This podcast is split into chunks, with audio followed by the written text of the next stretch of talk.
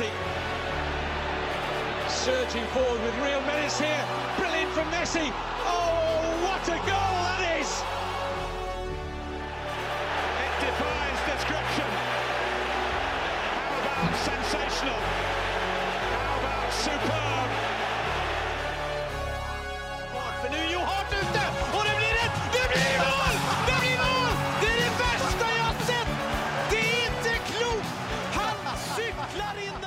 Ja da! Du har vært såpass smart at du har satt på episode 229 av den underholdende fotballpodkasten 90 minutter. Jeg heter Thomas Edvardsen, og med meg i studio har jeg som vanlig Mats Granildo Granvold. Han smarte. Og han eh, Søren Døpkinjo Døpkersen. Hallo, hallo.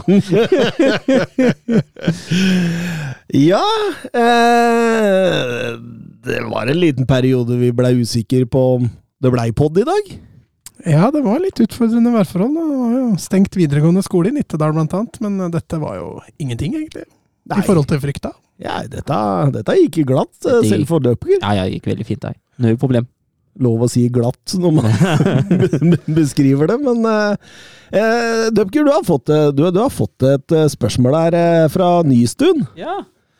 Eh, Sist uke var en omdiskutert lukeparkering, og nå er det vanskelige veier. Har eh, dere sjekket om vår kjære Døpker har lappen? ja, det har han. Lappen eh, kom opp i studio her, så det har han, men vi hadde Jeg tror til og med den er norsk, jeg. Nei, den er, den er jo Nei, den er ikke norsk, nei. Nei, den er ikke norsk. Men du, se, få se på den, Nei, den sveisen der! ja, det er Få se Døpker med sveis! Å, dæven! det, det er bra radio, det her.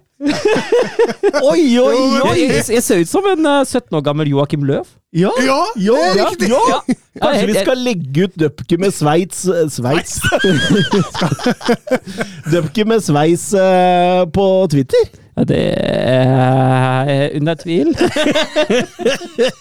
Vi, vi får høre med lytterne våre. Har du lyst til å se Døpke med sveis? men, men vi som kjenner Søren, da, vi veit jo det at han ville jo aldri funnet på å kjøre bil uten lappen. Nei, det er derfor jeg ble så overraska at jeg så han med sveis, at han tok den sjansen. ja, men, for det var litt risiko, den sveisen der. Så skjønner du hva jeg mener? Ja, den sveisen han har nå, er jo veldig trygg. ja, den ja. trygg Den er veldig trygg. Ja, den er solid. Den er solid. Har du hatt den lenge, eller? Ja, Ja. en stund nå. Mm. Den er, den er fin, den. Bytter du ofte frisør, eller har du samme? Nei, det, det er liksom behagelig der jeg bor, da. Eh, så jeg flytter, da bytter jeg.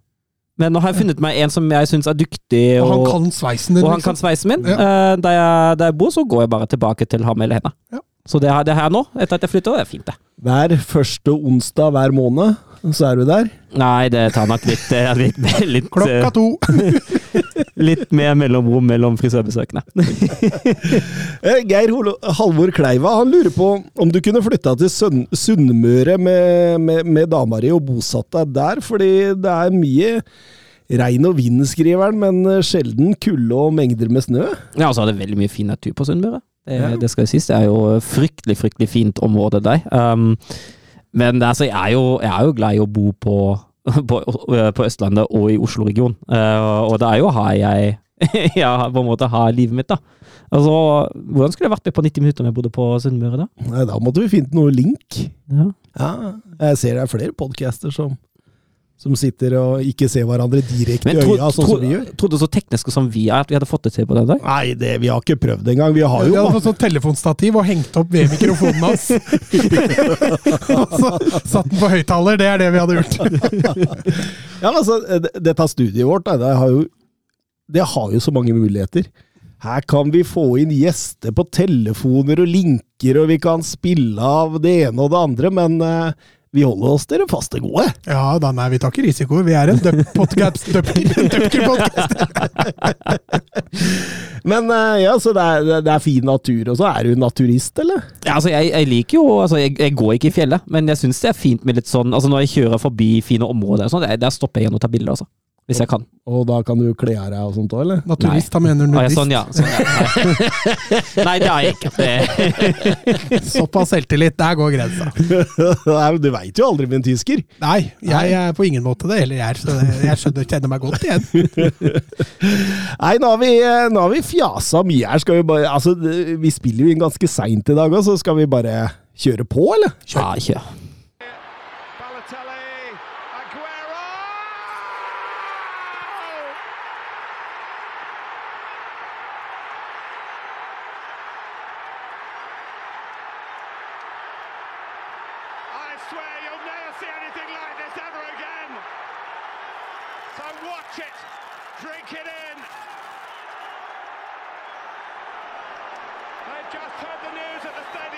Ja, vi begynner med Arsenal og Crystal Palace på Emirates. Arsenal har vært inne i en eh, tung periode. Etter den heldige seieren mot Luton i starten av desember, så, så har de bare én seier i alle turneringer og har gått tre i Premier League uten å ha vunnet nå. og Da passer det vel greit å møte et Palace hjemme, da, som, som sliter litt med det ene og det andre. Ja, ja, det var god timing for Arsenal. eh, Arsenal her, selv om det ikke var noen sånn voldsom start denne kampen her heller, så, så tar de i hvert fall tydelig initiativet. og Arsenal har jo vært knallsterke på dødballer. og Jeg føler jo egentlig de avgjør matchen også her på dødballer. Ja, altså, det er så verdifullt. Altså, det første de, eller, nesten det første de skaper, de har jo noen sånne halv sjanse de første tida, men når du har en kamp som du forventer kanskje kan bli en slitekamp mot, uh, mot Roy Hodgsons Crystal Palace, og så skårer du på en kone etter ti minutter, og så har du egentlig kampen der du vil, der du vil ha den, fordi da kan de kontrollere uten å trenge å gå altfor mye risiko. Det gjør de jo i stor grad av kampen òg, at det er god kontroll.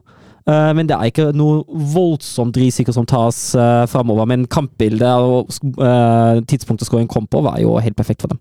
Det var litt mer direkte, Mm. det vi har sett dem i siste matcha. Så det var tydelig at de var litt mer målkåte. Så er det klart at overtidsminuttene redder jo dette resultatet fra å være egentlig bare et OK resultat og bli et bra resultat. Eh, så Men andre omgangen, når Palace må begynne å ta litt sjanser, og, og, og Arsenal får litt rom, så ser man jo tydelig det at Arsenal er blitt litt mer direkte. og det er klart, Arsenal får jo kampen akkurat dit de vil i andre omgang, når Palace begynner å sende fram bekka.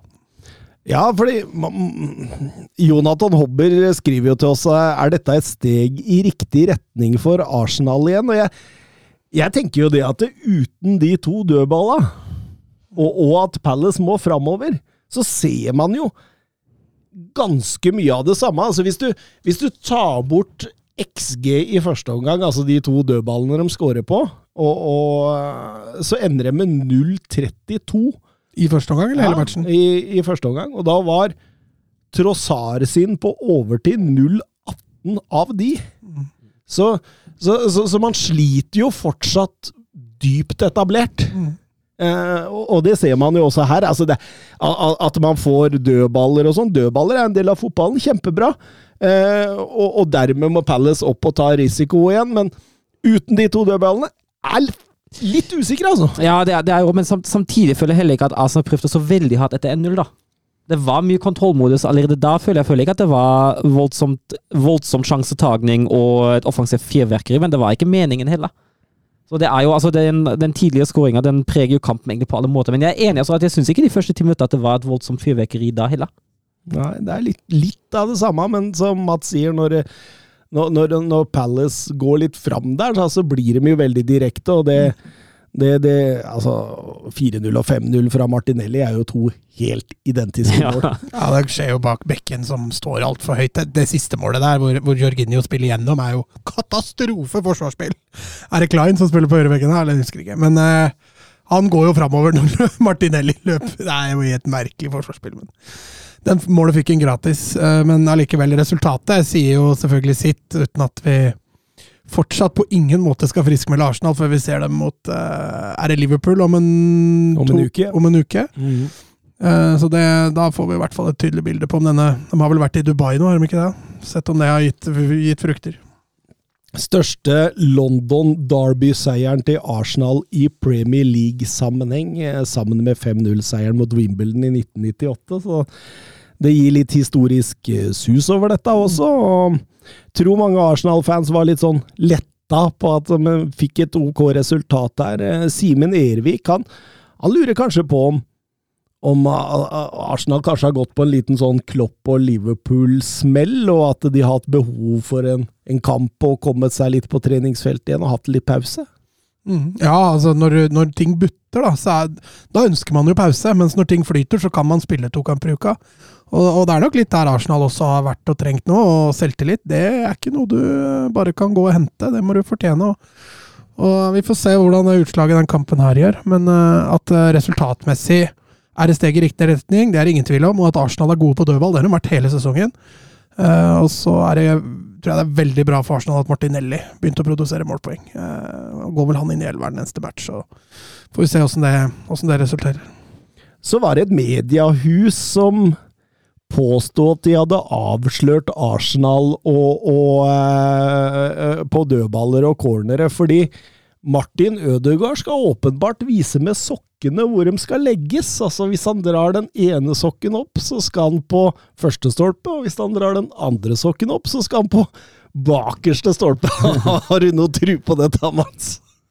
Drakk han opp sokka hele tida? Ja, han gjør jo det, men det kan godt hende det er hemmelige beskjeder bak der, da. Det er jo i så fall eh, kreativt, da, men du kan jo oppnå det samme med at cornertaket bare strekker en arm eller to i været, da, så bytte litt på den veien. Mm. Så jeg synes Det ser veldig rart ut hvis Ødegaard, for han står ofte litt på bakerste i returrom. Så skal alle gutta stå og snu seg og se på han da, når corneren skal slås. Det, det høres veldig rart ut. Oscar Pepito, når tror dere Mikkel Arteta gir opp Kai Havertz inn i dette Arsenal-laget? Og når tror du den gjennomsnittlige Arsenal-supporteren innrømmer at kjøpet var fullstendig tullete? Han får vel 80 millioner sjanser, regner jeg med. Det må han jo få. Eh, når det koster så mye, så eller 75 millioner var det kanskje kosta. For, én sjanse per eh, pund? Ja, i hvert fall per million. Eh, så eh, det er jo altfor tidlig. Jeg har jo vært her et halvt år, da, så det er jo går ikke an å men jeg, jeg, jeg, er litt lei av å snakke Kai Havertz nå, kjenner jeg. Jeg, jeg. jeg, føler på en måte at man har sagt standpunktet sitt. Mm. Og, så, og, så, er det opp til Kai Havertz nå å motbevise eller, eller bevise at vi har hatt rett her. Altså, Ingen her har noen gang sagt at Kai Havertz er en dårlig fotballspiller.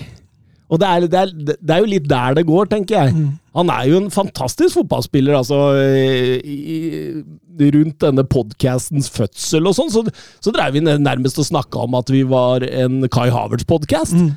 For vi snakka så mye om ham og hvor god han var i Leverkosen og alt det der. Men du må finne den rolla til og den rolla har ikke Arsenal. Nei, ikke sånn de spiller nå. Og, og, jeg ser ikke for meg Nå har de hatt to uker pause òg, så at de ikke har lagd en ny rolle til han i den perioden, da viser jo på at han, han er ikke villig til å, til å gå på kompromiss med seg sjøl, og da Nei, da må Havertz øh, rett og slett lage sin egen rolle i den rollen han allerede får, og det er ikke gjort på, på tre kvarter, altså.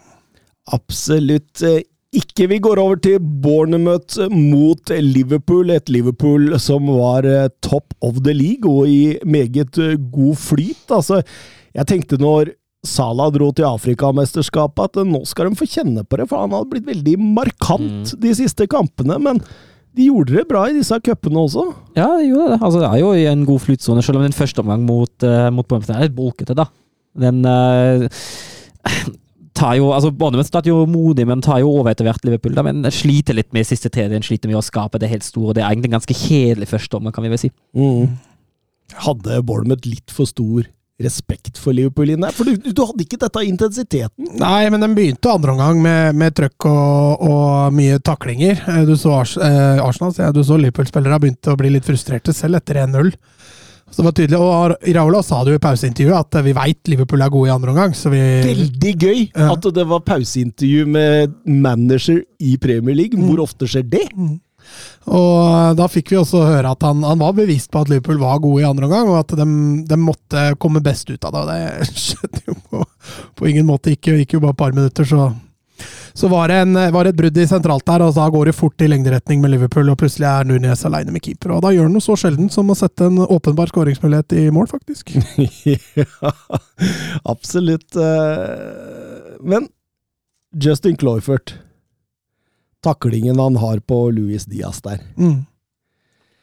Eh, er det sånn at VAR ikke går inn fordi han blir litt dytta? Altså, Man veit jo aldri med VAR, men eh, det virker nesten litt sånn. Ja.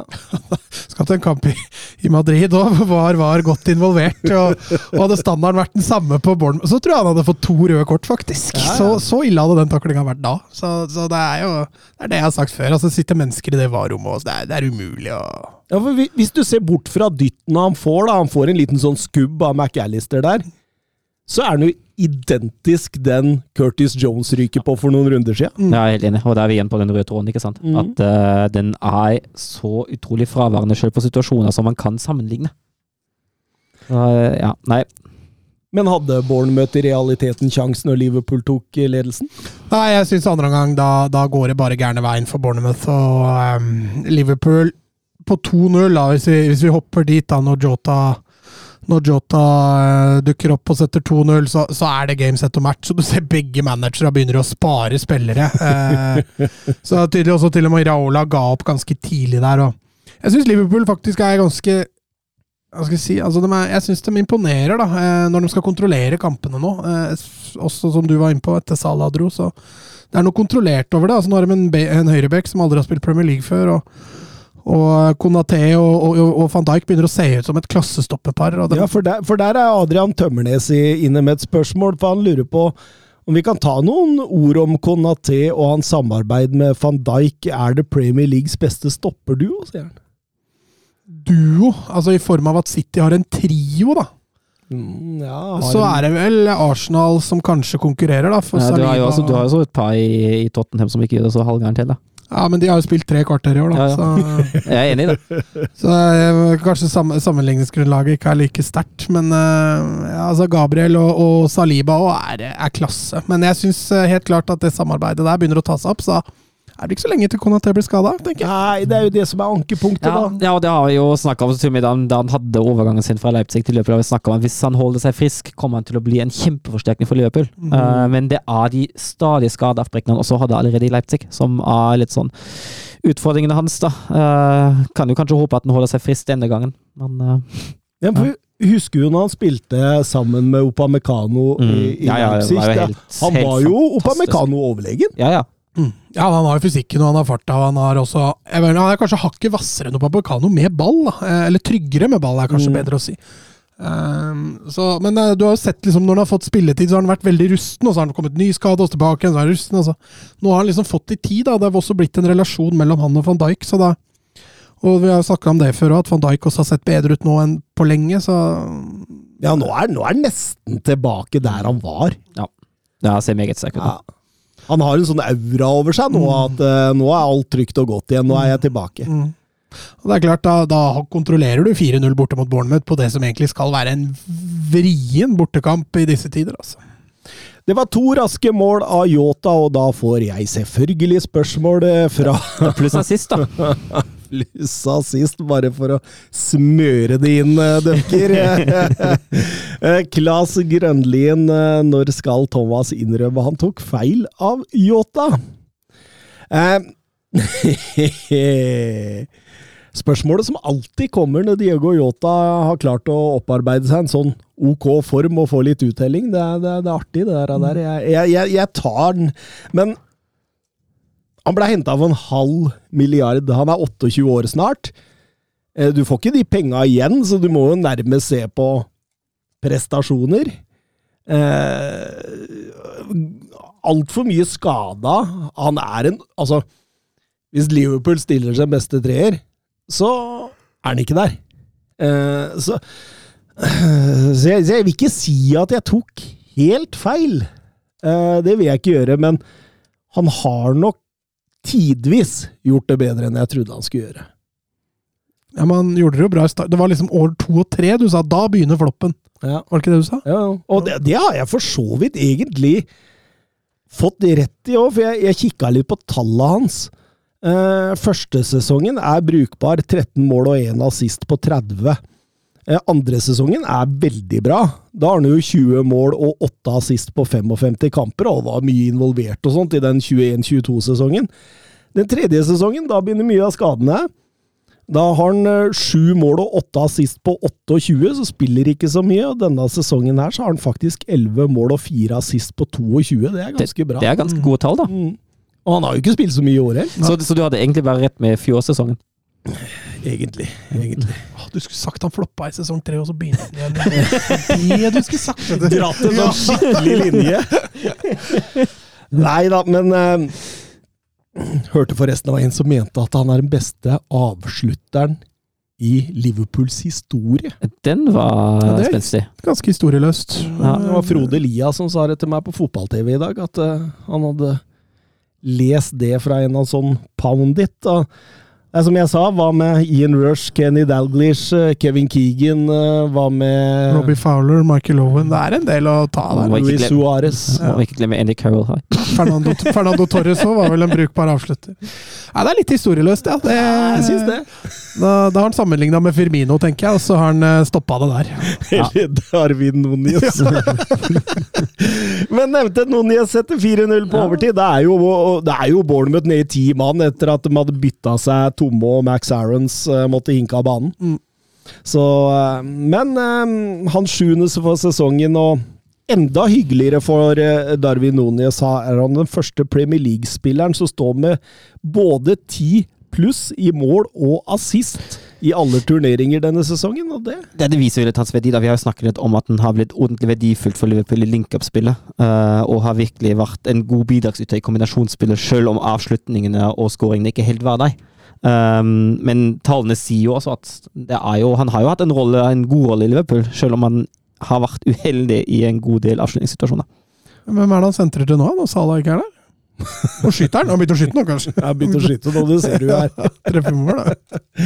Men det, eh, ja, ja, men Darwin Onis har jo vært en motsatt Havertz for oss i denne podkasten. Vi, vi har vel bare sagt vent og se, for det, det, det, det løsner. Det kommer til å løsne. Han er en meget god spiller, og måten du ser han kan binde opp én og to spillere på, beholde ball, og eh, veldig mye av Altså, han er jo ikke bare målskårer.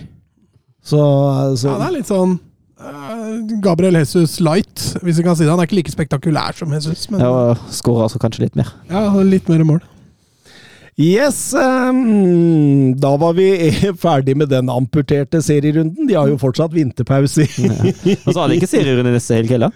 Nei, det stemmer det. stemmer det. Så, men, men vi har fått nok av spørsmål for det, så vi får bare kjøre gjennom dem. Begynne Begynner med et par spørsmål vedrørende Manchester United, og da kommer jo selvsagt denne Omar Berada inn, da, som har signert eh, fra, i, fra Manchester City. Og Ole Haaland, han spør Inios begynner i riktig ende, som dere var inne på.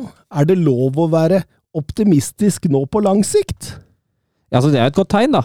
At man, eh, at man henter inn At man bygger strukturen først. At man bygger skjelettet før man begynner, begynner å fylle det med innhold. Uh, og så henter man jo en som uh, tilsynelatende har gjort sakene sine bra i City. Uh, nå kan jeg jo ingenting om interna, men han har jo en uh, god CV der. Eh, så ja, at man, at man har At man endelig har innsett at man kanskje må bygge litt. At man må bygge klubb før man kan sikte seg høyere igjen. Det kan det godt hende at man er på riktig vei nå, i hvert fall. da.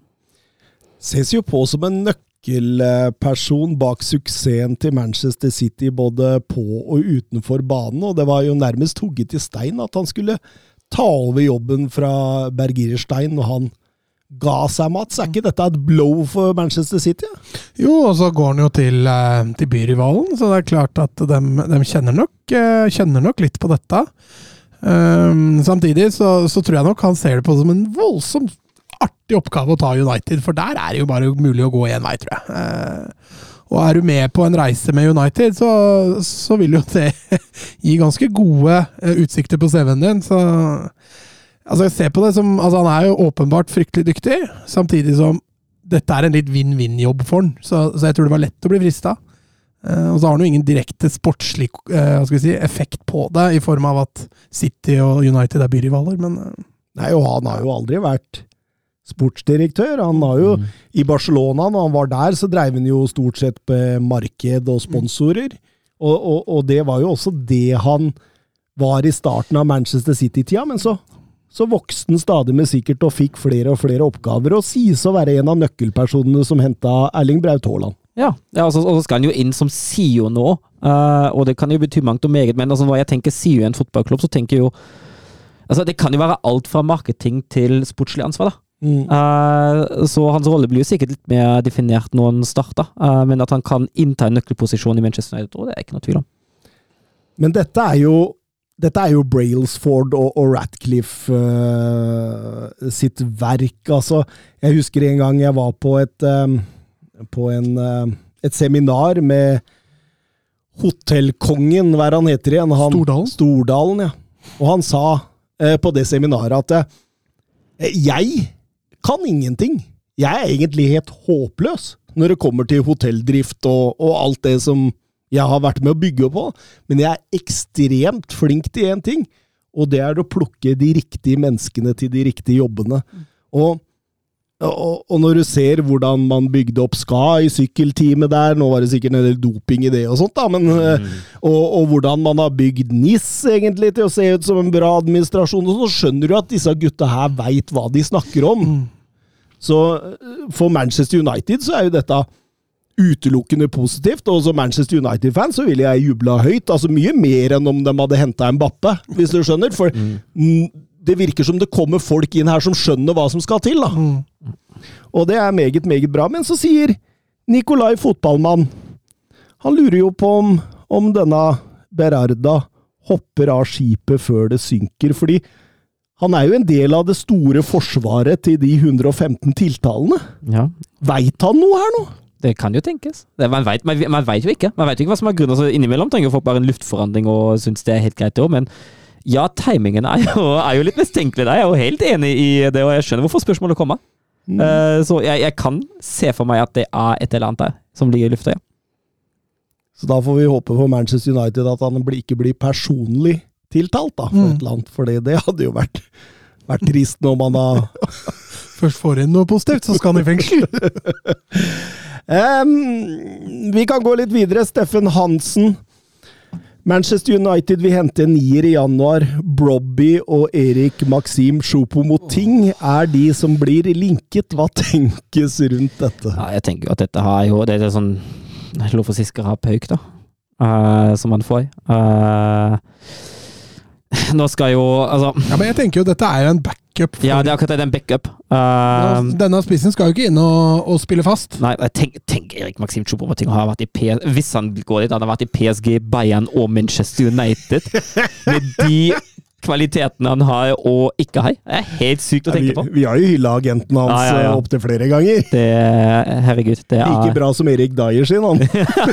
Faktisk. Nei, men det, det, det er jo en backup. Og så er det jo Vi har jo snakka om eh, spissmarkedet i, eh, i sommer allerede. Det har ikke blitt bedre i vinter. Det er ikke lettere i vinter å hente en god spiss eh, som det er i, eller, nei, i sommer, da. Uh, så utfordringa er jo større. Men Brobby, da, altså Brobby var ute av Ajax i et kvarter og gikk tilbake. Mm. For han ikke klarte seg i Leipzig, og så har han ikke vært så visende i Ajax. Eller, altså, han har vært god, men han har ikke vært så god. Uh, Erik Maxim Choupo-Moting kan jeg på en måte skjønne at han får at han har vist at han er en OK backup i både PSG og Bayern. Han skårer sine mål som, som innbytter. Du veit hva du får. Uh, og så får han kanskje ett år, ett og et halvt, to i United. Den, den kan jeg skjønne litt mer, at man henger som backup, men Brian Brobby, det Nei. Brobby sier sjøl at han har mista kontakten med Erik Den Hage pga. han skifta nummer, så han har den ikke på WhatsApp.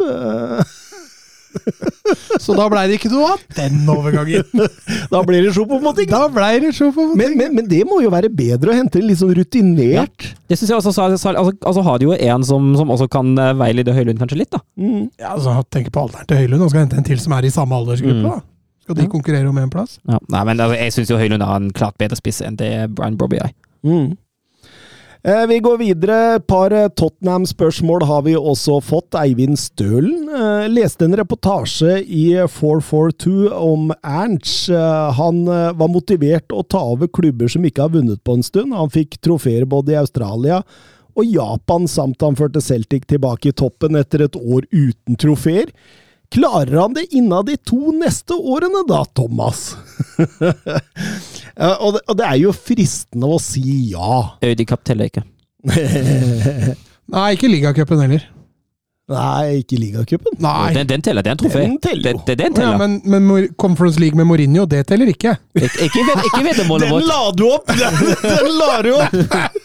Ikke, ikke i Så veddemålet vårt. ligacupen er mer verdt enn Conference League? Det er ikke det jeg sier. Men Jo, det er jo litt indirekte det du sier. Conference League var ikke en del av, av veddemålet vårt. Så da Nei, men da kan ikke ligacupen være det heller. Den er jo mye lavere rangert. ja, Nå er det en ny setting, ikke sant? Nå er det Thomas som har lyst til å vinne et eller annet med Tottenham. Ja, altså, Co- Conference League er nedtur å vinne, da, Tottenham. Thomas. Jeg trodde aldri dere skulle inn på denne diskusjonen der igjen under dette spørsmålet! Men det jeg vil si, det er at Tottenham har jo Altså er jo en del av et mye større konkurransemiljø enn man hadde i Japan, i Australia, i Celtic. Eh, de møter klubber som har eh, milliarder av kroner eh, i form av eh, oljepenger og diverse som bare sprøytes inn i klubbene. Tottenham kan ikke ha samme tilnærming. De må være smartere, og samtidig Kogler, han har jo fått seg et rykte, da, med spillere som vil dit. Du ser Nå er det jo liksom sånn snakk om at uh, det er ikke bare en positiv ting for Tottenham når en spiller kommer, det er en positiv ting, ting for spilleren selv også. Og, og, og det er jo et veldig godt rykte å ha. Inntektene har blitt større, så, så det er klart Han kan vinne noe, men det er langt ifra noe garanti pga. dette konkurransemiljøet vi snakker om. da. Ja, nei, Jeg har ikke noe trua på at Tottenham vinner Premier League verken i år eller neste år. Eh, de kan selvfølgelig ta en FA-cup, en kanskje ligacup. da. Eh, og hvis de skulle havne i Europa League, så vil det jo være kjempegode muligheter. Og eh, Champions League er det jo selvfølgelig fortsatt litt fram til, men klarer de det, så vil jo også det være en mulighet. Så at det blir et trofé på Tottenham i løpet av neste halvannet året, det skal vi absolutt ikke utelukke. Men ja, 80-20, da. 80-20 trofé, eller 80-20? Nei, nei, nei, at det ikke blir trofé, ja. Okay, okay. Anders Rogne, må vi snakke litt om Antonio Nosa-ryktene til Tottenham. Eh, vil han kunne bli en hit under Arnge? Ja, jeg føler jo det. Altså, det er jo, jeg føler at Antonin Nosa det er en spiller som passer perfekt inn i de kantrollene som Postekoglu vil ha. Eh, Som kjepp i ja. dong, altså! ja, ja. Men hva med Sonny Dong? da? Han må jo, da må jo han ut av dongen, da! Han, han er nier, han, vet du. Sammen med Rikarlison. Å ja, to niere. Ja, ja. Oi.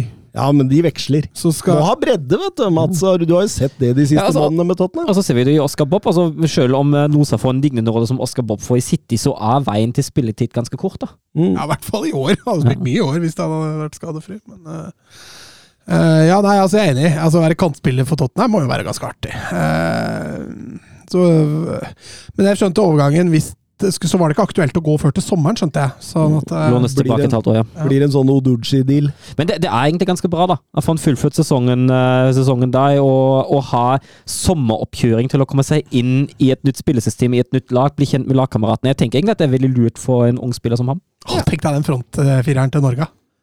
Hvis det er Tottenham City, City, Arsenal. Altså, Det er, det, er, det er det få som kan matche, altså! pro- Problemet er at vi fortsatt har Ståle Solbakken på sidelinja, da. Ja, og Stefan Strandberg i forsvaret. Ja.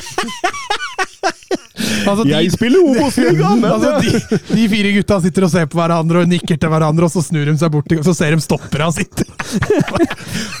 det går til helvete uansett.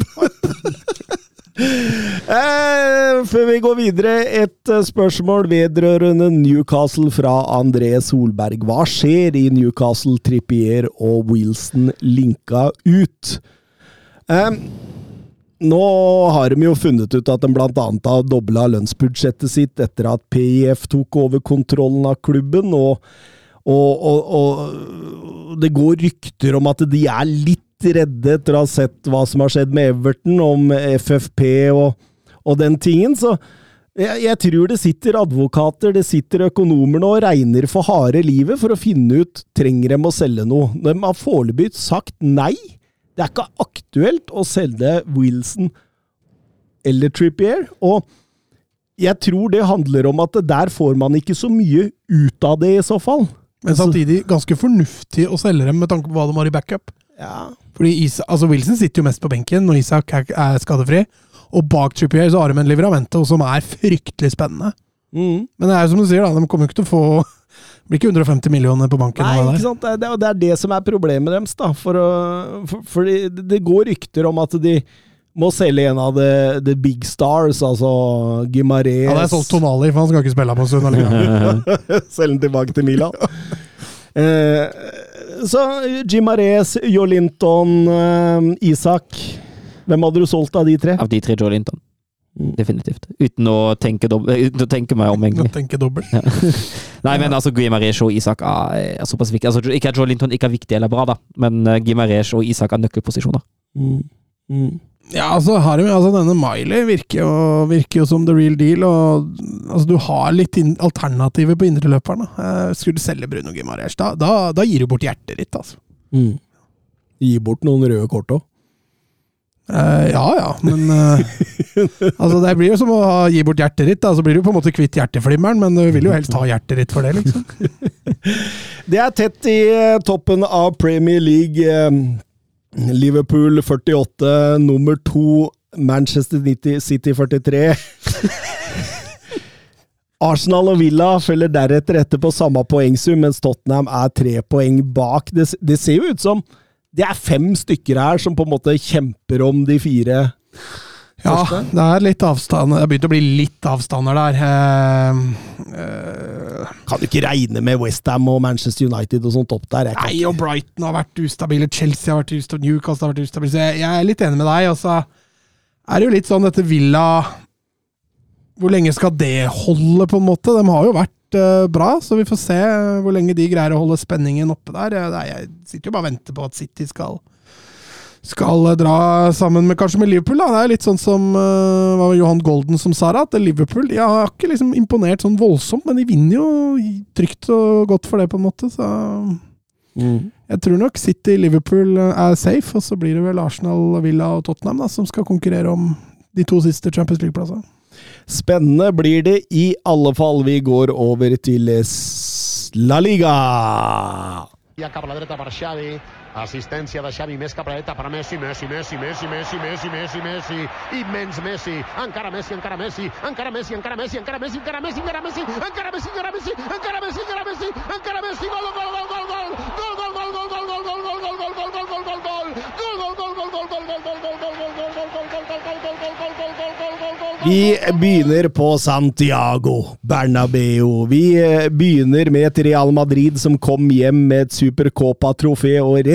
inn i en Copa del Rey-tap mot byrival Atletico Madrid.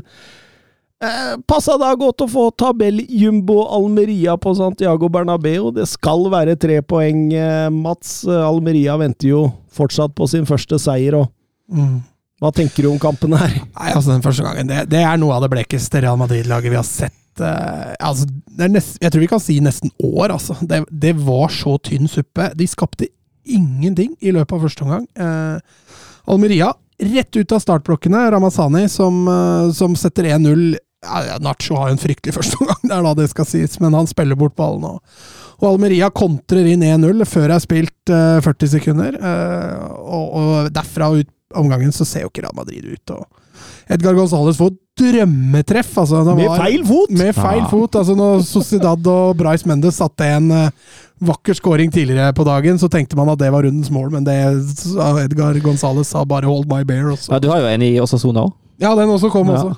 Så nei, det var noen fine mål, og den der var vel kanskje kremen av kremen. Jeg satt nesten eh, underveis i første omgangen der, og så tenkte jeg eh, Reisen til Saudi-Arabia rett inn i 120 minutter mot Atletico Madrid, altså.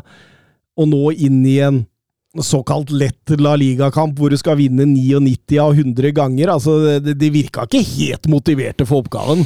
Nei, det gjorde de nok ikke. Og den første gang, altså, det var, Som jeg sa, det var en fullstendig bleik første omgang. Og, og, og Bellingham var mest opptatt av sutring. Venitius kom aldri opp i fart. Rodrigo var litt bortgjemt. Altså, de, Har en XG på 0,1 skytepause, ja, altså. det er uh... Ja, og det, det, det forteller bildet, det, Ja, det faktisk. de, de tror knapt nok de løsna et skudd mot uh, ja, altså, det, det var så tafatt. da, altså, det, Ballen gikk altså, Det var fire-fem touch på hver spiller, og når de først begynte å sette fart, så gikk det allikevel Pasningene kom ikke i, i høyt nok tempo. og det- var sånne unormale tekniske feil. altså Spiller bare ballen rett utover sidelinja. Mottakene satt ikke. altså Det var, eh, det var mye som gikk feil i den Real Madrid første gang.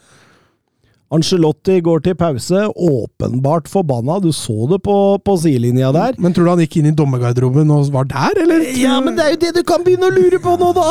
Det, Fordi det blir litt konspiratorisk den andre gangen, da, så jeg kan være med på den. Altså, han gjør tre bytter. Får inn Brahim Diaz, Joselu og, og Fran Garcia. og du får tatt ut Nacho, som egentlig, som egentlig koster dem to baklengs der. Eh, og, og, og, og uh, umiddelbart så ser det jo ut som de plukker opp hansken noe, da. Eh, uten å, å få mål. Og så, og så kommer jo dette som blir den store snakkisen. Da. Vi, kan ta, vi kan ta et par spørsmål her. Eh, Jakob Hoff. Almeria er et offer for favoriseringen man ofte ser i La Liga. Ikke kom her og si at det har blitt dømt på lik måte om det var Almeria og ikke Real Madrid som tjente på det, skriver han. Og Endre Tengren han er inne på hvor imponerende er Real Madrids narrativ med Negeira, og at Barcelona kjøpte dommera når vi får se servert denne fadesen i hovedstaden mot det dårligste laget i La Liga. Jeg blir fysisk kvalm. Og vil de andre lagene nå få ekstra motivasjon når de møter Real Madrid? Altså, vi må ta hele smørja her. Det begynner med et straffespark, Dupker. Ja, det er straffespark for Hen, så det er jo hva som går inn. Uh, og mener at det, det er Hen, så etter en tre minutters sjekk. Uh, etter at uh, det kom et innlegg fra venstre. Og så er det Joselo som hedda og dytter mot spilleren sin i ryggen, og så hedda han ballen fra 50 cm inn i den utstrakte armen.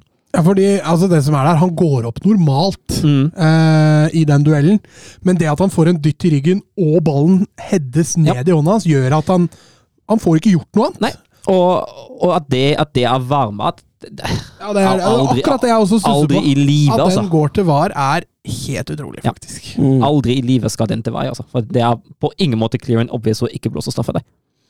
Nei, jeg kan skrive under på det. Altså, hadde ikke Kaiki blitt skubba litt i ryggen og, og må hente balanse med den hånda, så er det én ting. Eh, fordi da har man sett det ganske ofte, at det blir blåst Mm. på den. Fordi du veit ikke hvor den ballen var på vei. Kanskje Bellingham eh, hadde rekt den på lengste der. Men det er en dytt der som gjør at den reaksjonen fra Kaiki kommer. Og derav Altså, det må VAR se! Ja, ja, ja. ja. Det er fotballforståelse. fotballforståelse. men så har du neste problem med det, at- du, du går rett på det der stillbildet, ikke sant? da? Ja, ja. Altså, Hva skal du med det stillbildet? Men det sitter jo folk på varerommet som sendte det stillbildet til dommeren. Altså, du kan ikke dømme ting ut ifra et stillbilde i fotball. Må jo se hele bevegelsen, hele, hele situasjonen. I reell fart. Ja. Du må i hvert fall ha reell fart inn der. Du kan heller ikke se det på 0,25 ganger hastigheten. Og jeg mener du mangler fotballforståelse. Hvis du dømmer straffespark på dette her. Og det at det VAR bryter inn og sier at det er en clear and obvious Nei, det er en skandale, altså. Det stoppa ikke der. Ble, ble ikke bedre for Almeria, da. Nei, vi kan, vi kan jo ta med at Bellingham skårer på straffesparket, da, og da er det jo 2-1. Og så, siden Søren fikk eh, æren av å, å forklare første situasjon, du kan jo forklare andre. Nei, da er jo Almeria som eh, setter opp et angrep, og så er det en duell på midtbanen der hvor Bellingham får en lanke i ansiktet. Dommeren lar spillet gå videre. Almeria kontrer inn, eh, inn eh, 3-1 med, med tidligere, tidligere Madrid-spiller Arribas der, som får stå helt aleine på bakerste og, og dytte den over linja. Eh, umiddelbart tenker man at det skal, så begynner jo reprisen å gå på denne armen opp i ansiktet på Bellingham. Og uh, umiddelbar reaksjon er jo at ok, det er kanskje et frispark. Uh, hadde jo vært fortjent. Men at igjen, tilbake igjen på dette med VAR-mat, er jo egentlig en skandale. At VAR går inn på en, i mitt hode, som overhodet ikke er clear and obvious feil. Det er bare det at konsekvensen er så stor. Aldri i verden om VAR hadde brytt inn på dette, hadde det vært noe annet. Eh, Det klart, Hadde det ikke blitt mål, så hadde det ikke vært noe vits i å bryte inn, men jeg syns, syns den avgjørelsen der kanskje er den verste av dem alle. ja, det, er- det, er en, det er i beste fall en 60-40. Eh, ja, han får en dytt. Bellingham, får, Bellingham gjør maks ut av uh, Som han gjorde ofte, Ja. syns jeg. Syns Ja, vi så ja. Bellingham på både godt og vondt her, Ja, altså. jeg har hatt litt sånn den tendensen i Dortmund òg, når ting butta litt imot, at den, at den tydde til filming og lett falling og sånt. Det, var, det er ikke, det er ikke, det er ikke bra, det. krangler med Ja, ja. motspiller og Han blir, jo, han blir også, men han blir gå, du ser også motspillerne gå litt etter Bellingham. Ja. Du så den ene han får på ankelen i han første gang der, den er ikke pen, altså. Nei. Han fikk jo ikke frispark engang, og da begynner nok oppå hodet hans å Det er litt sånn Venitius Light. Ja, det er litt sånn at ok, da skal vi, da skal vi ta igjen. Mm. Men eh, det var nok, altså ja, lå hånd ah, i ansiktet til, eh, til Bellingham, men uh, Ja, men det er liksom det, Hadde den blåst i real Ja, det, time, det, så hadde du akseptert det. det. tenker jeg det er greit, men det er, som du sier, det er ikke hva det heller. Altså, at det går til hva, er jo altså, Jeg skjønner det ikke. Mm. Og da er jo også Garitano på benken rimelig oppgitt. Nå er det nesten så han går hjem, tenker du faktisk. Jeg er imponert at han ikke får eh, rødt kort uh, Tidligere. Ja. Han ender jo til slutt opp med, med, med rødt kort. Ja, men, men, det er også et an, et- det andre gule han får, og det er også imponerende at det ikke blir direkte utvist. ja, for der er det mange som fortjener det glatte lag etter Ja. den kampen der av dommerteamet. Altså. Og rett etter dette, etter annullerte målet til, til um, Ribas, så, så skårer Venitius eh, junior. Den blir også diskutert, men den syns jeg er helt grei. Det synes jeg også. Jeg, men det som, det som gjør den det som jeg syns gjør at den er litt diskutarbar, da, er at han gjør en bevegelse med armen. Mm. Og det gjør at han kan umulig For du ser ballen skyte fart etter at han tar den eh, på sk- skulderen. da. Så skyter ballen fart. Det vil da si at bevegelsen han gjør med armen, Ja. gjør at avslutninga i gåseøynene blir bedre. Men, ja. men samtidig er det blitt bestemt da, at den delen han scorer med, er en del av kroppen man har, akkurat som i brystet. Det er Nei, samme. men det er, for meg så er det mer skulder enn Ja. arm. Og Ja. jeg, jeg tenker at Venicius junior har gjort dette på Copacabana siden han var en neve stor.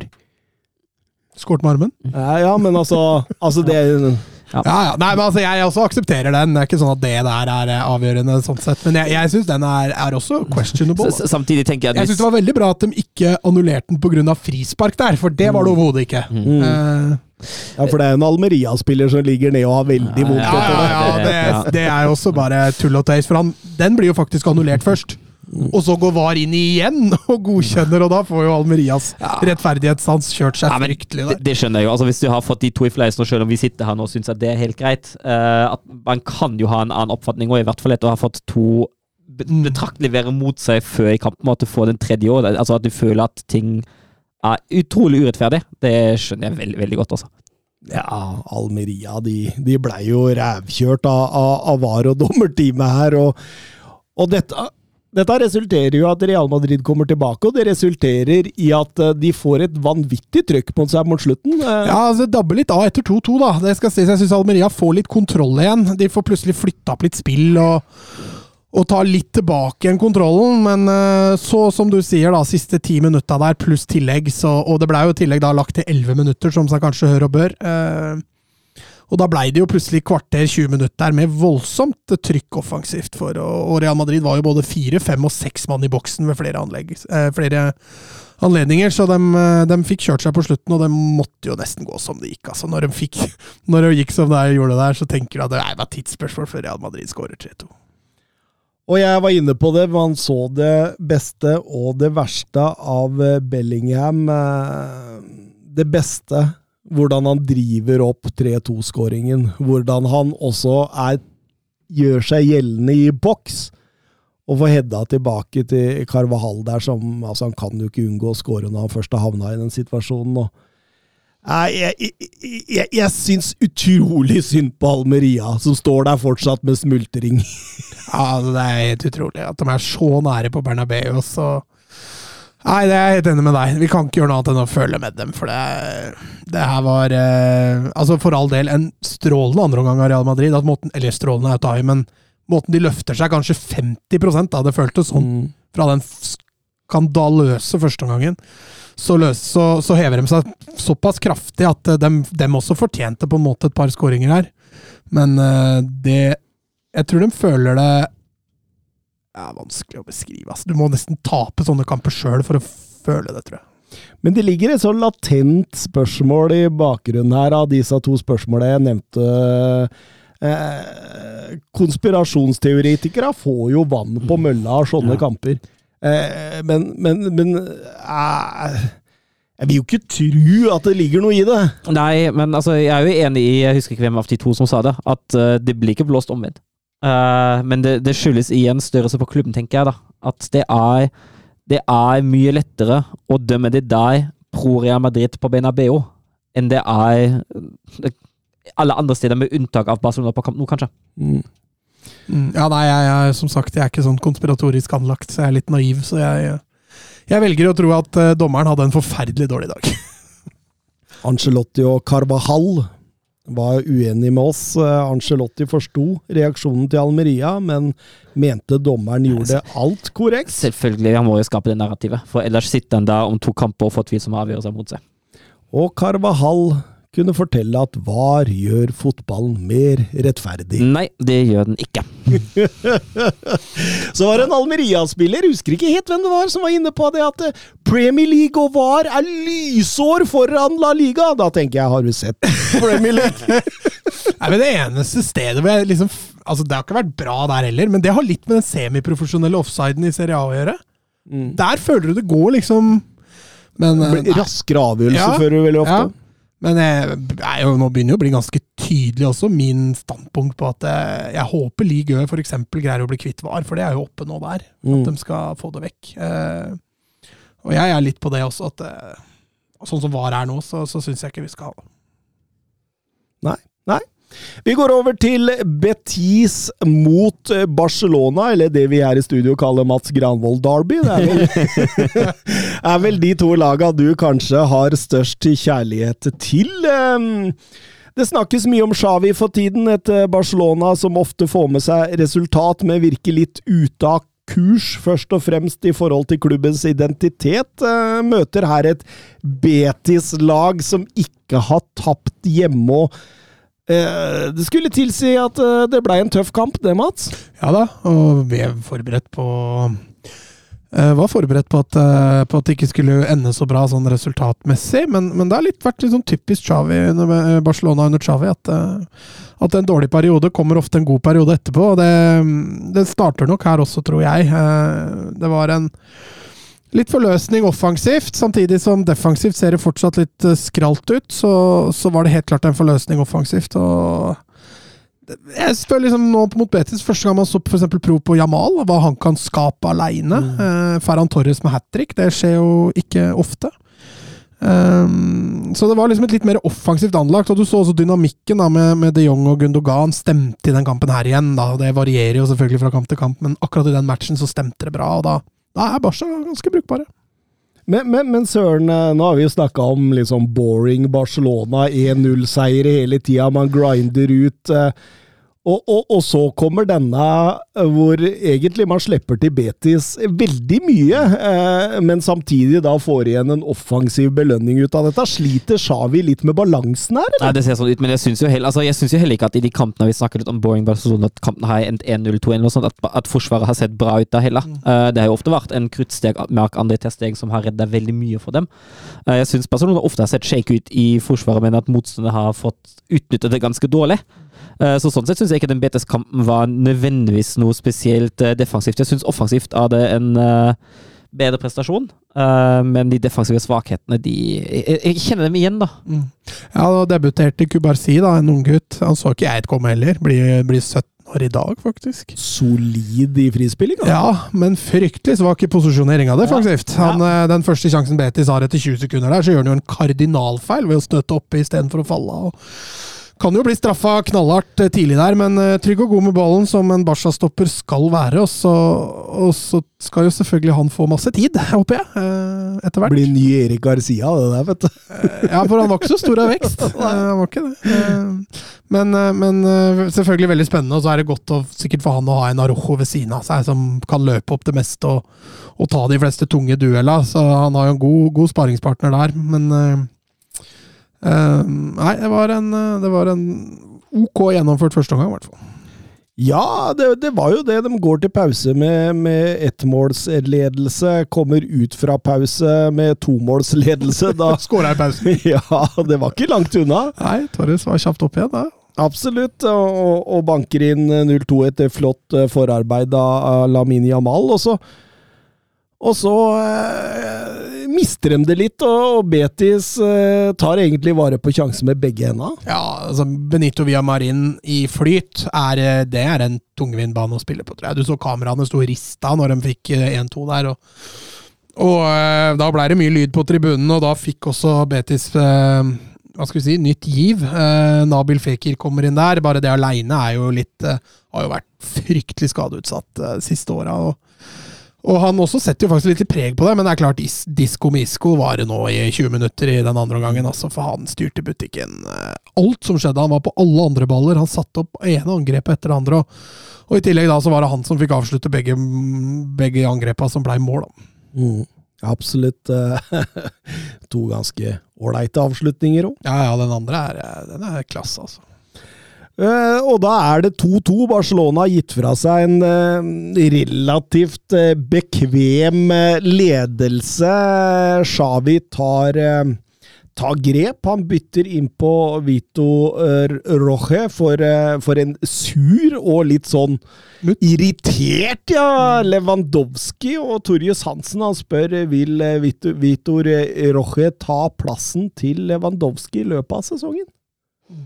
Eh, nei, ikke i løpet av sesongen nå, tror jeg. Jeg tror han skal få en innbytterrolle. At han får starte noen kamper, det tror jeg han gjør. Men eh, at vi ser at eh, Vitor Roche spiller eh, fast april og mai, mens Lewandowski kommer inn, det, det tror jeg ikke. Eh, jeg kan jo si at jeg håper det, eh, men jeg tror det ikke. Og at Vitor Roche kanskje har en fast plass fra neste sesong av, det ser jeg på som litt mer sannsynlig. Og da går vel Lewandowski Han finner seg ikke og sitter på benk. Nei, det kan jeg ikke se for meg. Han Saudi-Arabia lyser! Ja, nå er det jo snart ikke europeere igjen der heller, da. Nei, jeg, jeg, nå veit jeg ikke hvordan han tenker, men uh, fine hadde vært om han avslutta karrieren sin i Polen, Mm. egentlig. At han, eh, gikk tilbake dit istedenfor å dra til ja. Eller han gikk til Hødd, der det egentlig skulle starte! ja. Jeg trodde, jeg trodde toget hadde gått for hødd, ja. Ja, ja det har kanskje det. Ja. det, kanskje det. Hadde de vært i Obos, så kanskje, men nå rykker de jo ned til Post Ja, så da tror jeg ikke han vil, altså. ja. De har jo fortsatt muligheten til å rykke opp neste år, eller i år, da. Ja, det kan de jo. Hvem veit. Etter 2-2 så, så bølger det. Står og Ja. vipper. Ja, altså jeg syns Betis har fortsatt initiativet etter 2-2, men, men når Joao Felix eh, og Fermin Lopez kommer inn, så får du noen krigere også. Uh, Og den 3-2-skåringa til Joao Felix, uh, helt på rett før uh, full tid der, den er pur, pur klasse, altså. Glass og ramme. Ja, der viser Ja, han mye fine mål i La Liga denne, altså, denne runden. Ja. ja, det var det faktisk. Eh, og den der, der, det er litt mer sånn teknisk fantastisk utført. Altså fotballforståelse og, og, og ferdigheter i fin harmoni. da, Når han med utsida da bare køler den i lengste fra, fra, fra 16 meter der. Eh, og det var fint angrep av Barca, så det var, var nok forløsende. Mm. Og Torres eh, setter hat trick og pluss en assist. Da så er han jo kampens eh, store spiller, Xavi. Sier etter kampen eh, Jeg ga Han ble ikke kåra til banens beste. Nei, men han var det. Han Isco ble kåra til banens beste. Ja, det, han var det. Eh, de der er banens beste-kåringene, de. ja, Det er litt bingo innimellom. er. King of the match! King of the match. Han som kom inn eh, tre minutter før slutt og satt den avgjørende skåringa. Um, Xavi sa etter kampen at han ga Ferran Torres et valg i sommer, og at han har tatt det riktige valget. Jeg er så fornøyd med han, sier han. Han er en av de best mentalt, eh, mentale spillere jeg kjenner til. Eh, tror vi på et eh, virkelig Ferran Torres-gjennombrudd nå? Det, altså, vi har jo venta noen år. Definer virkelig, da. Ja, at han skal Dominere La Liga. Ja, at han skal være tellende for Barcelona. Da. At han skal være viktig spiller for dem uke inn og uke ut. Jeg syns jo han har slitt med stabiliteten, da. Vi har jo sett glimt til hva han kan uh, før. Uh, men det har vært sånn utfordring å få det stabilt på banen uke inn og uke ut, som du sier, da. Eh, så vi ser, altså, grunnlaget ligger jo åpenbart der. Han er jo en god fotballspiller når han er på sitt beste, og så gjelder det bare å få det ut. Eh, og hvis han har den mentale styrken som Xavi sier har, da, så er det jo muligheter til det. Ja, det er jo ingen tvil om toppnivået hans. Det visste han jo også i City, det, og, og før det i Valencia. Altså, toppnivået hans er jo, er jo bra, eh, men det er klart, hvis det går to år mellom hvert hat trick og, og han starter hver tredje kamp, da, sånn som han har gjort til nå, så, så blir han jo aldri til å slå gjennom. Janteloven, Mourinho tydelig avbildet eh, i Barcelona. Det må vel være fake? Barcelona kan vel ikke ansette han, skriver han. Nei, altså nå er jo Barca blitt et sånt 1-0-lag, da, så da hadde han jo sånn sett passa inn, men, men jeg hadde blitt litt skuffa altså, hvis, hvis det var han som skulle inn og, og redde stumpene for denne sesongen. Eh, Jeg, jeg, jeg så forresten nå at eh, det, det spekuleres i at det går et direkte fly. Altså, det er ikke alle eh, flyplasser det gjør det. Men det går et direkte fly fra Barcelona til Riyadh, Mm. der Supercopa-finalen mellom Napoli og Inter spilles idet vi sitter her og prater nå. Og at det er derfor han er i Barcelona, for å kunne dra videre dit og snakke med Di Laurentis om om mulig ta over Napoli. Det hadde vært sjuke, sjuke, sjuke greier, men ikke uventa av en eier som Di Laurentis. Nei, altså han fan- finner bare en ny person å ødelegge det som var bygd opp, han. Så det Det ville jo igjen vært litt mismatch, selvfølgelig. Eh, selvfølgelig tar ikke José Mourinho over eh, Barcelona. Når han forlot der i sin tid, så sa han det at jeg kommer aldri til å trene Barcelona noen gang mer igjen.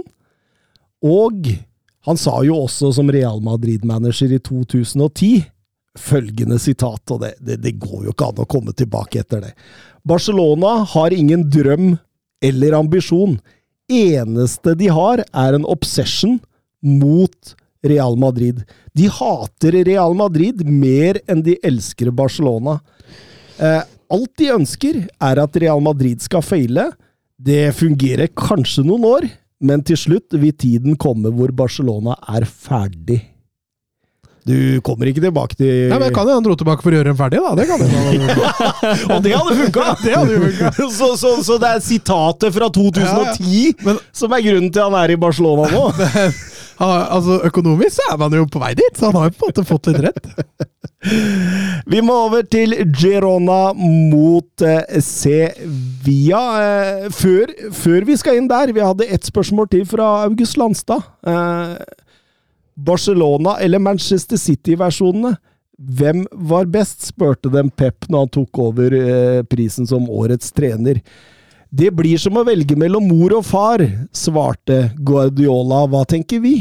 Ja, men jeg, jeg skjønner jo hva han mener. altså Fotballen har jo Jeg, jeg så den diskusjonen hadde gått lenger, skjønner du. Og da var det flere som mente at nei, det går ikke an å sammenligne det, fordi det har gått for lang tid mellom dem. Ja, fotball har utvikla seg. Det, det er Ja, sånn, men har det utvikla seg så mye på tolv det, det, 12 år? det, det mener jeg ikke. Men ehm, ah, jeg syns det er et vanskelig spørsmål. Jeg husker jo at jeg satt, uh, satt og så på Champions League-finalen i, uh, i 2011.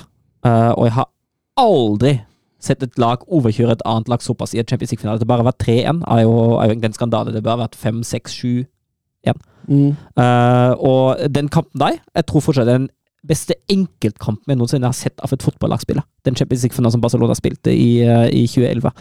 Um, samtidig har han jo hatt så mye tid i City, og han har Altså, det laget der har han jo etablert som verdens beste.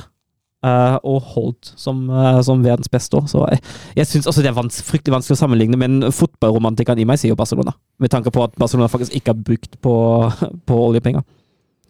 dumme intervjueren på scenen, da, hun dama. Uh, I am a daddy's girl. Sa. Pep Guardiola visste ikke hva han skulle si. Han blei liksom sånn ubekvem. Ja, det skjønner jeg. Nei, men det, for min del òg. Altså, da er jeg eh, veldig inhabil, da, men uh, for meg Altså, Basha med den midtbanen, Busquets, Chaviniesta og Messi der framme Jeg kan ikke si at det er noen årganger som hadde vært bedre enn dem i lengden. Altså Hvis laget hadde spilt opp mot sitt beste, da. Det blir jo dette hypotetisk, men men hadde lagene spilt opp mot sitt beste, jeg kan ikke se at et lag hadde slått dem. Altså. Messi aleine ville ville jo tatt det. Mm. Mm. Eh, vi går over til Girona mot eh, Sevilla. I går kveld eh, var eh, 0-0 i en svak match mot ta- tabelljumbo Almeria. Og vi spurte sist runde, eller sist episode, var dette starten på nedturen? Vi, vi konkluderte, konkluderte med å vente. Eh, det fikk vi kanskje rett i, eller? Ja, herregud. Altså, det, den kampen da var en eneste stor nedtur for, eh, for Sevilla. deg. Eh, altså, altså er det jo noe med at når du leder 1-0 Altså, altså for, blir det så til de grader rundspilt at jeg ikke klarer å egentlig demme opp for noe som helst. Ikke klarer å holde på ledelsen noe særlig. I den situasjonen som Sevilla er i. Altså, det er jo så utrolig urovekkende som det går an. Så vinner jo han jo det var han ville i den kampen der. Jeg syns de gjør kardinalfeil når du tar ledelsen 1-0 mot Girona, og så fortsetter du å gi dem rom. Altså, det er jo lag Altså, De elsker rom å løpe i. Altså Får de rom foran seg, så er jo Girona livsfarlig. De skaper jo overtall to mot én mot stoppere gang på gang på gang. og de, At de ikke legger seg lavere etter 1-0 der og heller prøver å safe det inn, det, det, det skjønner jeg ikke helt. Eh, Men eh, Girona de takker jo takker jo Booker dem, og Dovbyk kjører jo et eh, show uten like der i løpet av fem minutter, så det var jo kampen tapt, faktisk. Ja, han, eh, han var påskrudd noen minutter der, eh, den godeste Artem Dovbyk. eh, Det, men altså Kiki Sanchez Flores, da. Du, du, du setter opp laget i en 5-3-2. Du får det første målet! Mm. Og så fortsetter du. Du skal ha det andre målet òg. Ja. Og i stedet da for å være litt det var litt det jeg var inne på da, for å være litt avventende og så, og så heller ligge litt lavt, altså ha, gi Girona minimalt med rom, så, så går han altså i den Girona-fella som alle andre lag omtrent har gått dit før han. Ja, fordi altså etter 3-1 så tenker man Sevilla er for dårlig defensivt til å kunne komme tilbake her. Og så hadde man sagt at ok, det var de tre måla Sevilla skulle slippe inn etter 18 minutter. Så tenker man at ok, de kunne fått med seg kanskje en uavgjort. Fordi det, er- det, det fins ting i det offensive der som eh, Det er i hvert fall noe å holde i. Men du veit det at det, det ligger alltid baklengsmål og venter der. Nå, det kommer jo flere òg. Ja, det, det gjør jo Ja, ja, det. Og, og Sergio Ramos, vi, vi skrøt av, av den eh, av, av den signeringa, men Han ser ferdig ut, ja, altså. han er helt ferdig, han. Ja, han ser fryktelig ferdig ut. Ser ut som han er i Sevilla for å bare Skvise. Skvise. Ja. Er i begravelsen. Ja, nei, det, det, det Altså, de, de Jeg var litt inne på det siste. Det er sånn typisk å ha det med sterk seier i Getafe bort, eh, borte mot Getafe i Copa del Rey, og, og Isak Romero, han og spillerne de har tatt opp fra B-laget, så plutselig veldig god ut. og Han skårer jo forresten et fint mål i den matchen her men Nei. Det her, eh, det her var nesten litt skremmende, for nå, nå, nå Det er vanskelig å synes synd på dem òg, når de leverer en så uproff jobb, da, syns jeg. Ja, det er klart, det, det er defensivt igjen. Ikke sant? Katastrofe gang på gang. Man kan ikke opptre slik. Altså, eh, hvis de rykker ned, da, så er det jo det defensive som er årsaken, og dette må Kiki Sanchez Flores få kontroll på, rett og slett. Altså, de mister markering, de dras ut av posisjon, de taper dueller. Eh, De følger ikke løp, de faller ikke av i tide. Det, det er galt, galt, galt hele veien, da. Og, det, og dette sprer jo seg gjennom hele laget, ikke sant? Og det Nei, jeg, jeg, eneste positive i går Forutenom et par fine angrep, eh, det var eh, Hannibal. Når han kommer inn, eh, syns han tar plass. Du ser han står og dirigerer og, og, og, skal bestemme og, og prøve å, få noe ut av det. Jeg Men du tror- ser også at han, han veit ikke hvor han hest skal stå defensivt. Nei, Det er klart, det går det litt på ingen kort, der. kort Nei, det var litt det jeg skulle fram til. da. Det er ingen andre som veit det heller. Er ingen som får fortalt den heller. Og når Stuani setter 5-1 der, så er jo ydmykelsen komplett. da. Man har tatt av Savio, man har tatt av Dobic, og man Alex Garcia var jo ikke med engang. Mm. Men likevel, så De har ikke noe problem med å spille Det er overkjøring. Ja, det er det. Eh, Fredrik Stjerna, hvor lenge klarer Girona å holde på Artem Dovbyk? Han eies jo av City Group, men det blir, vel vanskelig å få han til Manchester City så lenge Haaland er der? Ja, men han er et fint salgsobjekt, han. Eh, kan fint få, få noe pluss i banken for ham, da. Eh, så det er gang for å se for meg at den blir solgt i eh, sommer. Solgt i sommer, og så solgt igjen. Nei, Er det lov? Nei, for du kan ikke ha to lag i samme år. Er det ikke noe sånt? Jo, jeg tror du kan det, du kan ikke ha to Champions League-lag eller noe sånt i samme år. Et, et, et eller annet, nei. Du Eh, kan ikke spille på t for tre forskjellige klubber Nei. på et år. nei. Nei, du kan ikke spille, det er det som er regelen. Så, så Manchester City kan i, i utgangspunktet hente den, og så selge den videre. ja, ja, ja. Ja. Eller så kunne de jo bare tatt et lån, ikke sant? Ja, ja. Altså, med opsjon. eh. Men han blir eh, 27 til sommeren. Han har kontrakt i 2028. Da vil han være 31, men Nei, det er vanskelig å si. Jeg så, jeg så Savio. Det går rykter om at City skal hente han nå for 12 millioner eh, euro. Det er eh, under tre gangen markedsverdi. Mm. Ja, han er, altså, man, ser, man ser jo han her jo i den kampen òg, ikke sant. Altså, han er jo Han har vært eh, fantastisk. Det er liksom det som er problemet da, når én eier eier flere klubber, Ja, ja. og du i tillegg har jækla mye penger, så kan du jo bruke de klubbene akkurat som du vil. ja, og det ser vi med Leipzig og Salzburg, og den linken der, den er ikke bra, altså. As we speak så spiller Granada mot eh, Atletico Madrid. Ikke si noe snakk. Nei, men der har de sjansen til å ta seg opp Ja. i topp fire med seier, så det, Det kan du nevne. det, det får jeg lov å nevne. Skal rett inn og se. Men det er. Granada du snakker Nei, nei Atletico. Ja, Granada har har ikke sjanse til å ta seg inn i topp fire, Mats. Em, Valencia fortsetter, vinner 1-0 mot Champions League-jagende Athletic Club. Eh, Jørn Henland Skøyen eh, spør hvem hadde trodd at eh, Valencia skulle fostre fram flere gullgutter igjen? Endelig så skjer det noe riktig i klubben, men tror dere det blir noe salg før vinduet stenger? Nei, kanskje ikke nå i vinter. De, de kan være steile, og de har vært det på flere av spillerne sine. Men at det kommer opp Altså, Valencia har åpenbart et godt akademi, for det kommer også mye bra spillere eh, lavere der nå. Så, så de gjør nok noe riktig der. eh, Men at Valencia kommer til å selge etter sommeren, f.eks. At en eh, Eh, altså Gaia har jo uttalt at han gjerne kan bli i Valencia lenger, men at du har jo en Hugo Duro som begynner å se bra ut, du har en Perez som begynner å se bra ut. Eh, Mamadashvili har jo allerede vært rykta ganske lenge. Shavigere. Ja, Han får ikke han spille så mye lenger da, etter at Hugo Guillamon har flytta opp. men uh, Han er selvfølgelig et salgsobjekt, han òg, men han tror jeg ikke går til sommeren. Uh, men når i tillegg da Valencia begynner å vinne fotballkamper, kanskje de klarer Europa, da, så er de kanskje ikke Det er Peter Lim, han har vi prata om før. det Det er vel bare én klubbeier som er omtrent like uforutsigbar som Peter Lim. Ja, han er i Chelsea? Uh, ja, du kan ta med han òg, men jeg tenkte vel på Di Laurentis i, Ja, i, ja, ja. Napoli. men eh, Todd Boiley, han På den andre veien, da. Lim selger alt han kan få, og Boiley kjøper alt han kan få. Og, og, det, står bra til hverandre. Ja, og, og Napoli de fucker opp alt de kan. ja, ja. ja det, Eh, Real Sociedad vinner 0-1 over Celta Vigo. Eh, Bryce Mendes, eh, nok en fantastisk perle, Mats. Ja, fra langt hold her så klinker den i ørene. Velger å avstå fra å feire mot, mot tidligere lagkompiser og Sociedad, som mangla en del spillere. Så var det jo var det imponerende. Strand Larsen med en eh, ja, skal vi kalle det OK match. Burde Mm. kanskje hatt en assist eller en scoring der, for han drar opp. Men Celta Vigo de, de fortsetter å slite.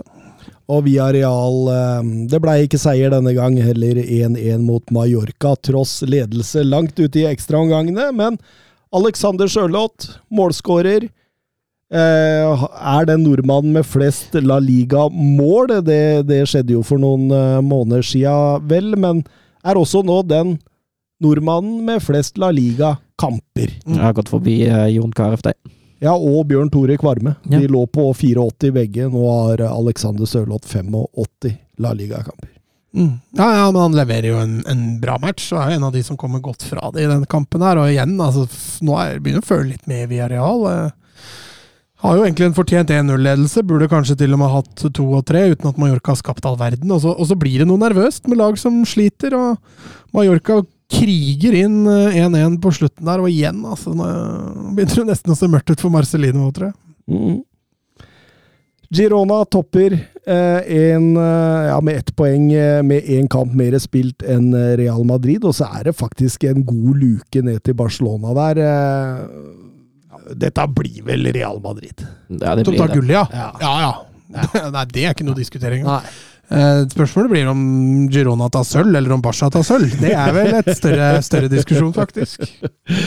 Ja, absolutt. Eh, Det blir spennende å se, da. Jeg jeg er blitt litt sånn Girona-frelst nå. Jeg syns det er Ja. gøy fotball, selv om tross Det er eierskapet. det eieren, er ligger som bakteppe for det, men utover det, det vi ser på fotballbanen, er jo gøy og sjarmerende. Mm.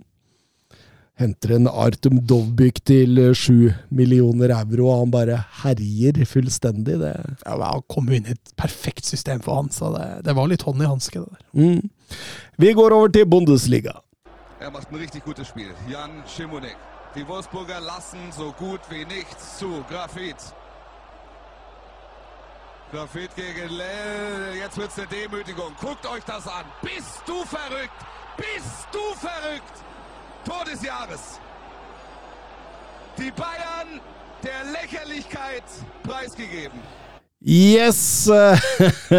Søren Dupker, ditt kjære Wolfsburg. eh, Ja, altså uh, Nei, du, du påstår jo de kommer til å tape, så dette må jo være opptur. yeah. Det ble en øl. 1-1. Eh, tidlig ledelse igjen, og så spiller man jo en eh, passiv møkkakamp nok en gang. Um, som det er vei. Og så altså, er det egentlig bare så, jeg snakker, det, det er samme kampbilde som om og om, om igjen, og jeg gidder ikke å si Vi blir redda hver to ganger der som uh, annullerer to Heidenheim-skåringer for offside. Det er ikke blitt tapt år. Men altså, det er noe med hvor ambisjonsløst hele den klubben framstår. Man henter spillere for 70 millioner euro i um, i uh, sommer. Man henter en Lovromeier man henter en Joakim Mehl, man henter en, uh, en Rogerio blant annet. Det er gode overganger. Um, og så at det som kommer ut altså, det, det ah.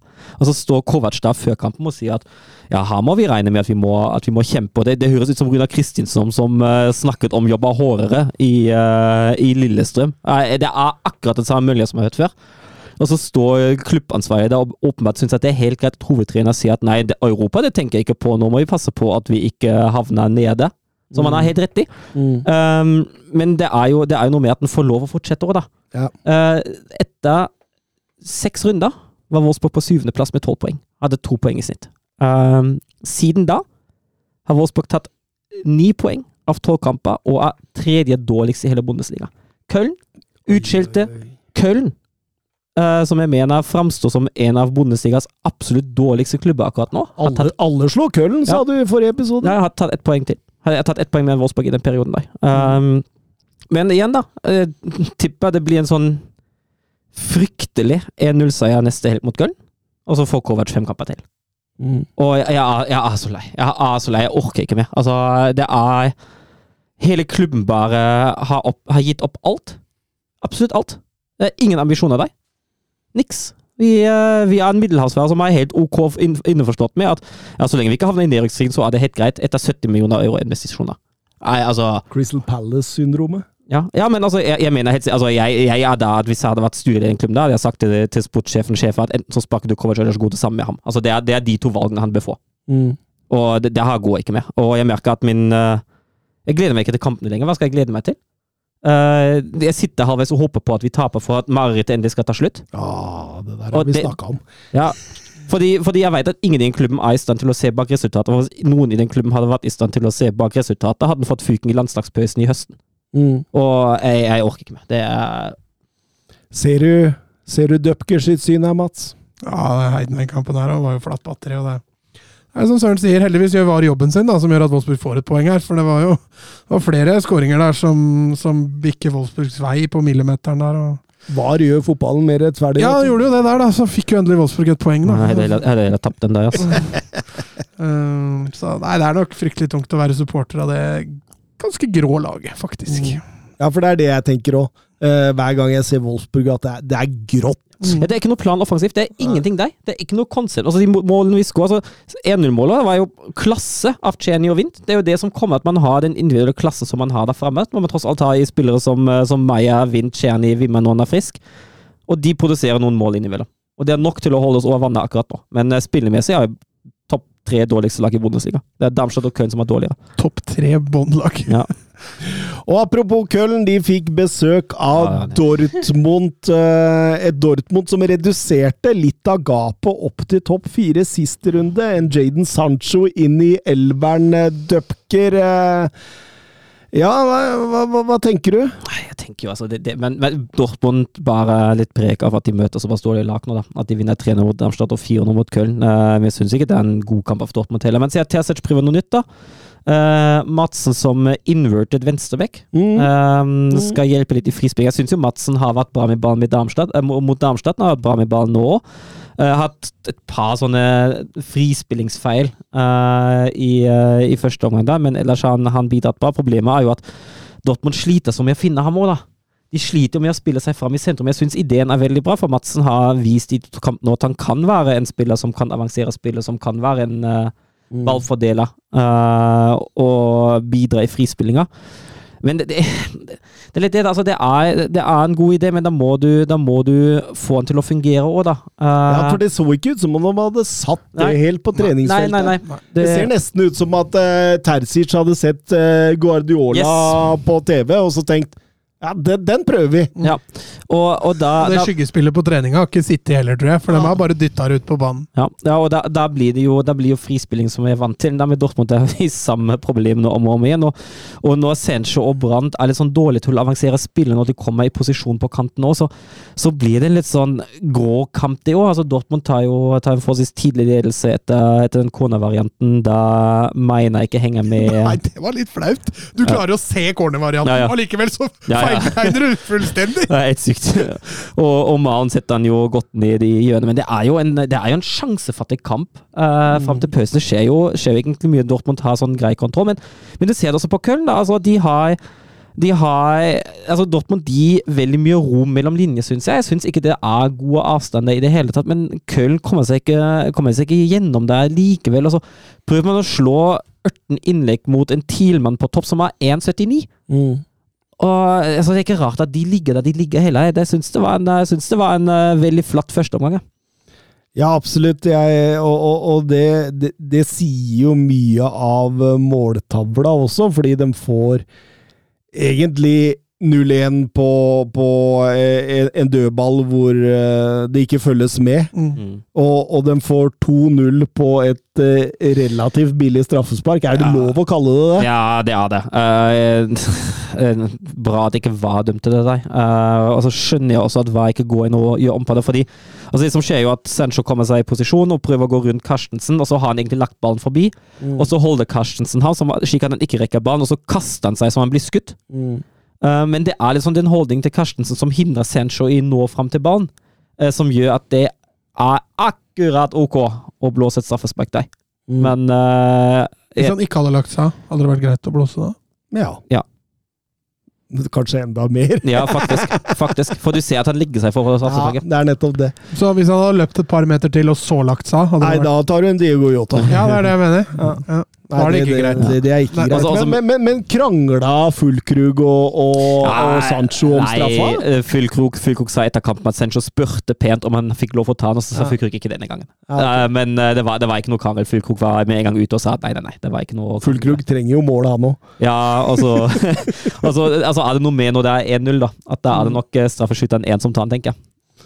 Absolutt. eh, Daniel Malen setter 0-3 Ja, rett etterpå. overgang, og Da. da, da er det Da er det ferdig. Altså, da er det ferdig. Og så kommer jo, kommer jo Mokoko igjen, som mot Darmstadt på overtid, og, og setter en fjerde der. Men um, Køylen ypper seg jo litt i starten av omgangen, da. Men um, jeg, jeg syns ikke, er- ikke det er en kamp som gir Dortmund noen særlig gode svar, da. Uh, med tanke på at motstanderen var såpass dårlig som de var. Kommer Jaden Sancho til å finne seg selv i Dortmund? Kommentatorene mot Köln var eh, svært optimistiske, skriver Bernt eh, Hansen. Ja, han har jo, han har det, altså, han har jo en viktig forutsetning, og det er at han har en trener som satser på han. Uh, og at han er ansett for å være en viktig, eller kan være en viktig brikke for laget. da. Uh, så den forutsetningen er på plass. Han følger nok, uh, nok på tilliten, tenker jeg. Um, og så er det jo opp til ham hva han gjør utenfor. Ulempen med Dortmund er jo som sagt det, det med at jeg syns ikke systemet sitter særlig godt. Uh, det kan gjøre ting litt vanskelig, selv om jeg mener Sancho er en spiller som kan skape ting på egen hånd òg. Uh, og så er det jo opp til ham at han faktisk oppfører seg profesjonelt og disiplinert. Uh, og jeg tror nå han gjør det, eh, så kan det bli veldig, veldig bra. Og så er han jo en klubb og en liga hvor han har herja. Ja.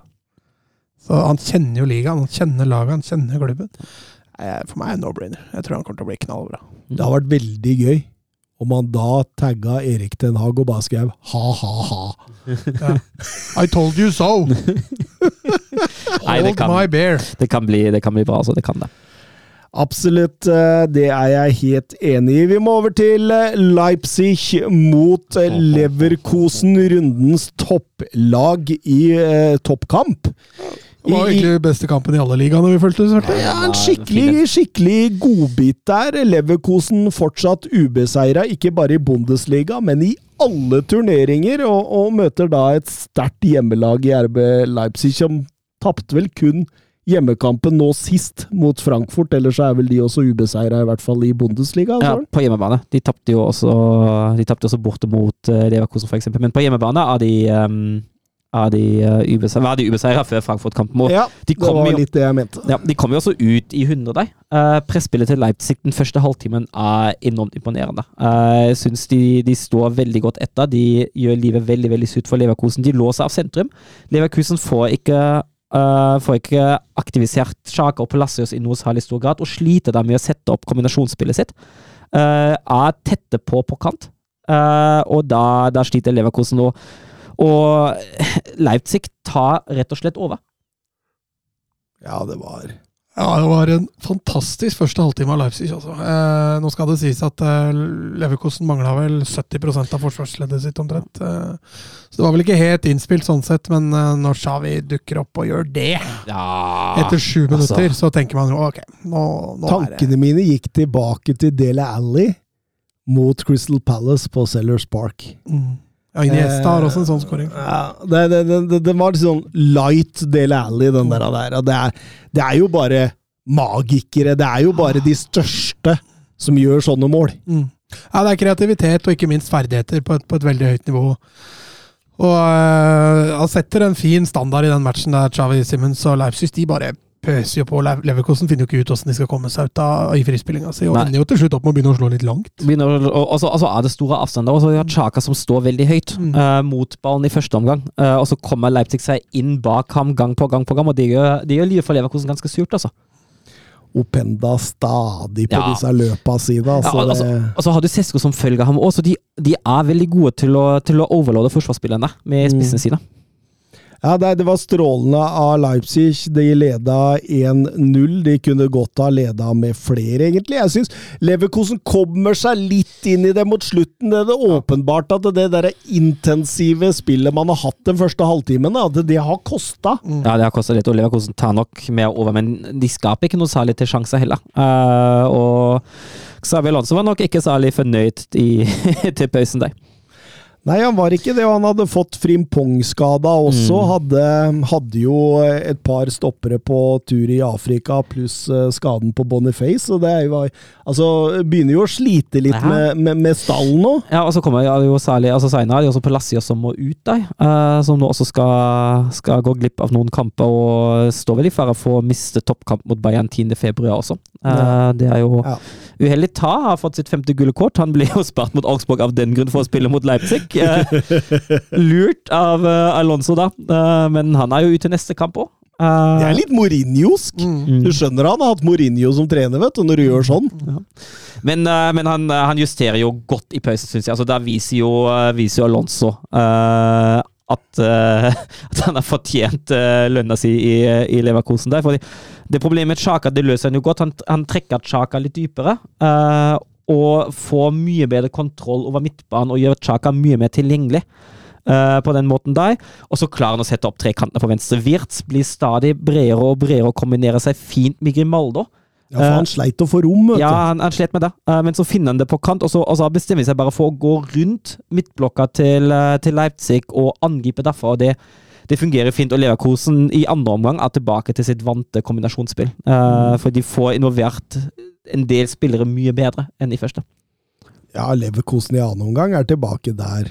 Ja, det var litt sånn game of two halves. Leipzig eh, dominerte første, og Leverkosen dominerte, dominerte andre. Det var liksom to forskjellige måter. Leipzig dominerer jo med et høyt press, mens Leverkosen dominerer jo mer med kombinasjon og, og kontrollerer ballen. Eh, og så er det jo to dødballmål der òg, da. Mm, absolutt. Og jeg tenker jo, Dupker, at, det, at det, det hadde vel vært mest rettferdig med poengdeling her. Ja, det hadde det. Det hadde det, definitivt. Men uh, Leverkosen altså de viser jo Bayern-kvalitetene som Bayern ikke viser. Uh, spiller 0-0 mot, nei, står 0-0 mot Augsburg lenge uh, forrige helg, og de stanger og stanger og hadde fortjent seieren, selvfølgelig. Uh, av det klart beste laget. Og så hadde det 90 pluss 4 da Mm. 1-0 kommer. Og nå òg. en sett under et hjemkamp mot, eh, mot Leipzig, da de til slutt er nærmere seieren enn motstanderlaget, like, altså for all del. Og så er det 90 pluss 1 igjen. Uh, igjen på overtid. Uh, og det er noe med det, da, at et gullag vinner sånne kamper, og gjerne også på den måten da, da. Uh, og det at de de seiler videre. De, altså de møter tøff motstand. Og den kampen her, da, eh, det jo, er jo kanskje den største prøvelsen de har hatt nå. og fram til Bayern nå, med tanke på Afrikakamp-fraværet, da. At Mm. de, de har en litt skral tropp akkurat nå. Så klarer de likevel Altså, de er jo fullt på høyde med Leipzig, det er ikke sånn at de gjør seg bort før det heller. Altså. Men de klarer likevel å ta de poengene, da. Mm. Og det er sånne big points. Det er så viktige poeng som de tar. Og toget ruller videre. Lett å være imponert altså, når du ser hva det mangler nå. Og fortsatt så klarer de å gjenskape, gjenskape, gjenskape. Så helt klart selvtillit og flyt har sitt å si, men uh, godt lederskap det er det ingen tvil om at de har, i hvert fall. Nei, absolutt. Og, og, og måla da, kommer bl.a. fra Tella og, og uh, Inkepi, som er altså de er nummer 12, 13, 14, 15 i men- troppen. Og Tella er jo egentlig heldig med, for Tella var jo snakka om at skulle til Afrikacupen nå, uh, og så ble han ikke med i Nigerias tropp. Uh, og han gjorde jo en Jeg synes etter at han kom inn altså han, var, han så litt nervøs ut de første minuttene, for all del. Uh, fant ikke helt til sin rolle og alt det der, men så snart han har funnet seg til rette Jeg syns han gjør en eh, strålende kamp uh, som Frimpongs starta på, på høyre vingbekk. 27 kamper på rad uten tap i alle turneringer nå. Bayern Münchens rekord på 32. Det er kun fem opp dit nå. Det forteller det aller meste her, og det er bare Bayern som har hatt en bedre poengfangst historisk i Bundesligaen etter halvspilt uh, serie. Én har de endt like godt, og to uh, sesonger bedre, og begge de sesongene var under Pep Guardiola.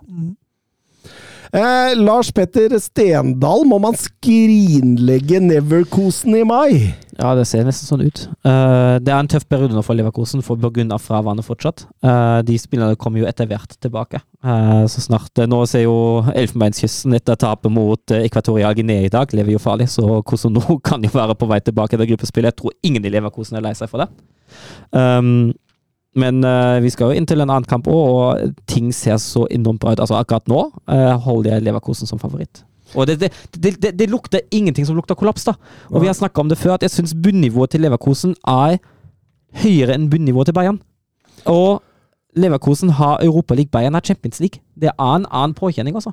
Oppda hadde satt sine beste menn og sine største systemer i sving for å finne ut og regne ut hvor stor prosent det var for at Leverkosen skulle vinne. Altså, da hadde de mata på med alt av informasjon, og så spilt en slags sånn simultanfotball framover i tid. Uh, kan dere tippe hvor stor prosenten var? 73. Har du sett den? Nei. Ok, så, uh, For at Leverkosen vinner, liksom? Mm. Altså, når du sier det på den måten, så tipper jeg 92, Ja. Oi, oi, oi, dere er skikkelig på skovtur. 32. Oi! Mm. For at Leverkosen vinner! Mm. Oi! Nei, den er jeg ikke enig i. Så Oppta mener at eh, Bayern fortsatt er Men favoritt. dette er kun basert på tall, ikke Ja, ja. sant? Altså, jeg, jeg er ikke på 80-20, uh, men jeg er på uh, 65-35, 70-30, altså. Men jeg, jeg, jeg tror Altså, uten Bayern München så ville det vært 80-20. Ja, ja, hvis det var Dortmund eller Leipzig som var bak, men, ja. men, men man kjenner jo potensialet, man vet nivået, man kjenner historien. Det er det som gjør Ja, mye av det. altså, jeg, jeg husker som barn, altså, jeg satt der, og, og Leverkosen øh, ødelag år etter år etter år, ikke sant? Altså, skal bare slå Unterhring, og så klarer vi ikke Ballak å sklitakle ballen i eget mål, og så taper man den kampen da 2-0, og så Tapte man finalen mot Real Madrid også. Ja, ikke sant. Uh, og så roter man det bort uh, to år seinere og taper 1-0 mot Nürnberg, som, uh, som berger plassen min. og Det er liksom de, de, de har en historie med å choke. Eh, Det er ingenting akkurat nå som tyder på at de kommer til å gjøre det. Men det, det er derfor man er litt mer avventende. Hadde situasjonen vært omvendt, hadde Bayern spilt sånn og lugget der Leverkosten er nå, og Leverkosten vært nærmeste forfølger, jeg har sagt minst 80-20. Ja, ja. Men uh, vi får vel litt svar 10. februar, da. Vi gjør det. Det er en ekstremt viktig kamp. Hvordan serien ser ut etter 10. februar, så får vi jo litt svar, da. Ja. For vi må over til Bayern Münchens hjemmeoppgjør mot eh, Werder Bremen. Selvsagt store favoritter. Bayern hadde ikke tapt hjemme denne sesongen. Werder Bremen hadde ikke vunnet borte denne sesongen, så alt ligger jo til Ja, rette og her! Bremen har ikke vunnet på Allianz Arena siden 2008. Men uh, altså, vi har, vi har snakket litt om det òg, altså, den, den kampen de taper mot Frankfurt, og første omgang nå mot Hoffenheim òg. jeg syns det er litt de samme problemene. Da. Det er statisk, det er for lavt balltempo, det er for mange touches, det er for dårlige bevegelser. Det er sånn gjerne ett og ett løp. Og så, og så er det det som vi ser der. Det, det er et uinspirert og ukreativt Bayern-lag. Eh, som tar imot Werder Bremen, og som i tillegg også ikke helt har kontroll på, på eget uh, bakrom for Ninma. Han var en uh, voldsom bakomstrussel for Leverkosen. ukritisk Ja, ja. ofte, altså. Ja. Og altså, de blir jo, de blir jo redda litt av Noia, som har en kanonredning Mm. uh, mot Weisa og Vai. Det, det var jo grei. Det var jo Stage uh, sparker jo ned Mosiala før, før det som man trodde blir 0-1, da. Ja da. Eh, greit nok. Men uh, det er jo nesten Bremen som er nærmest i første omgang òg, altså.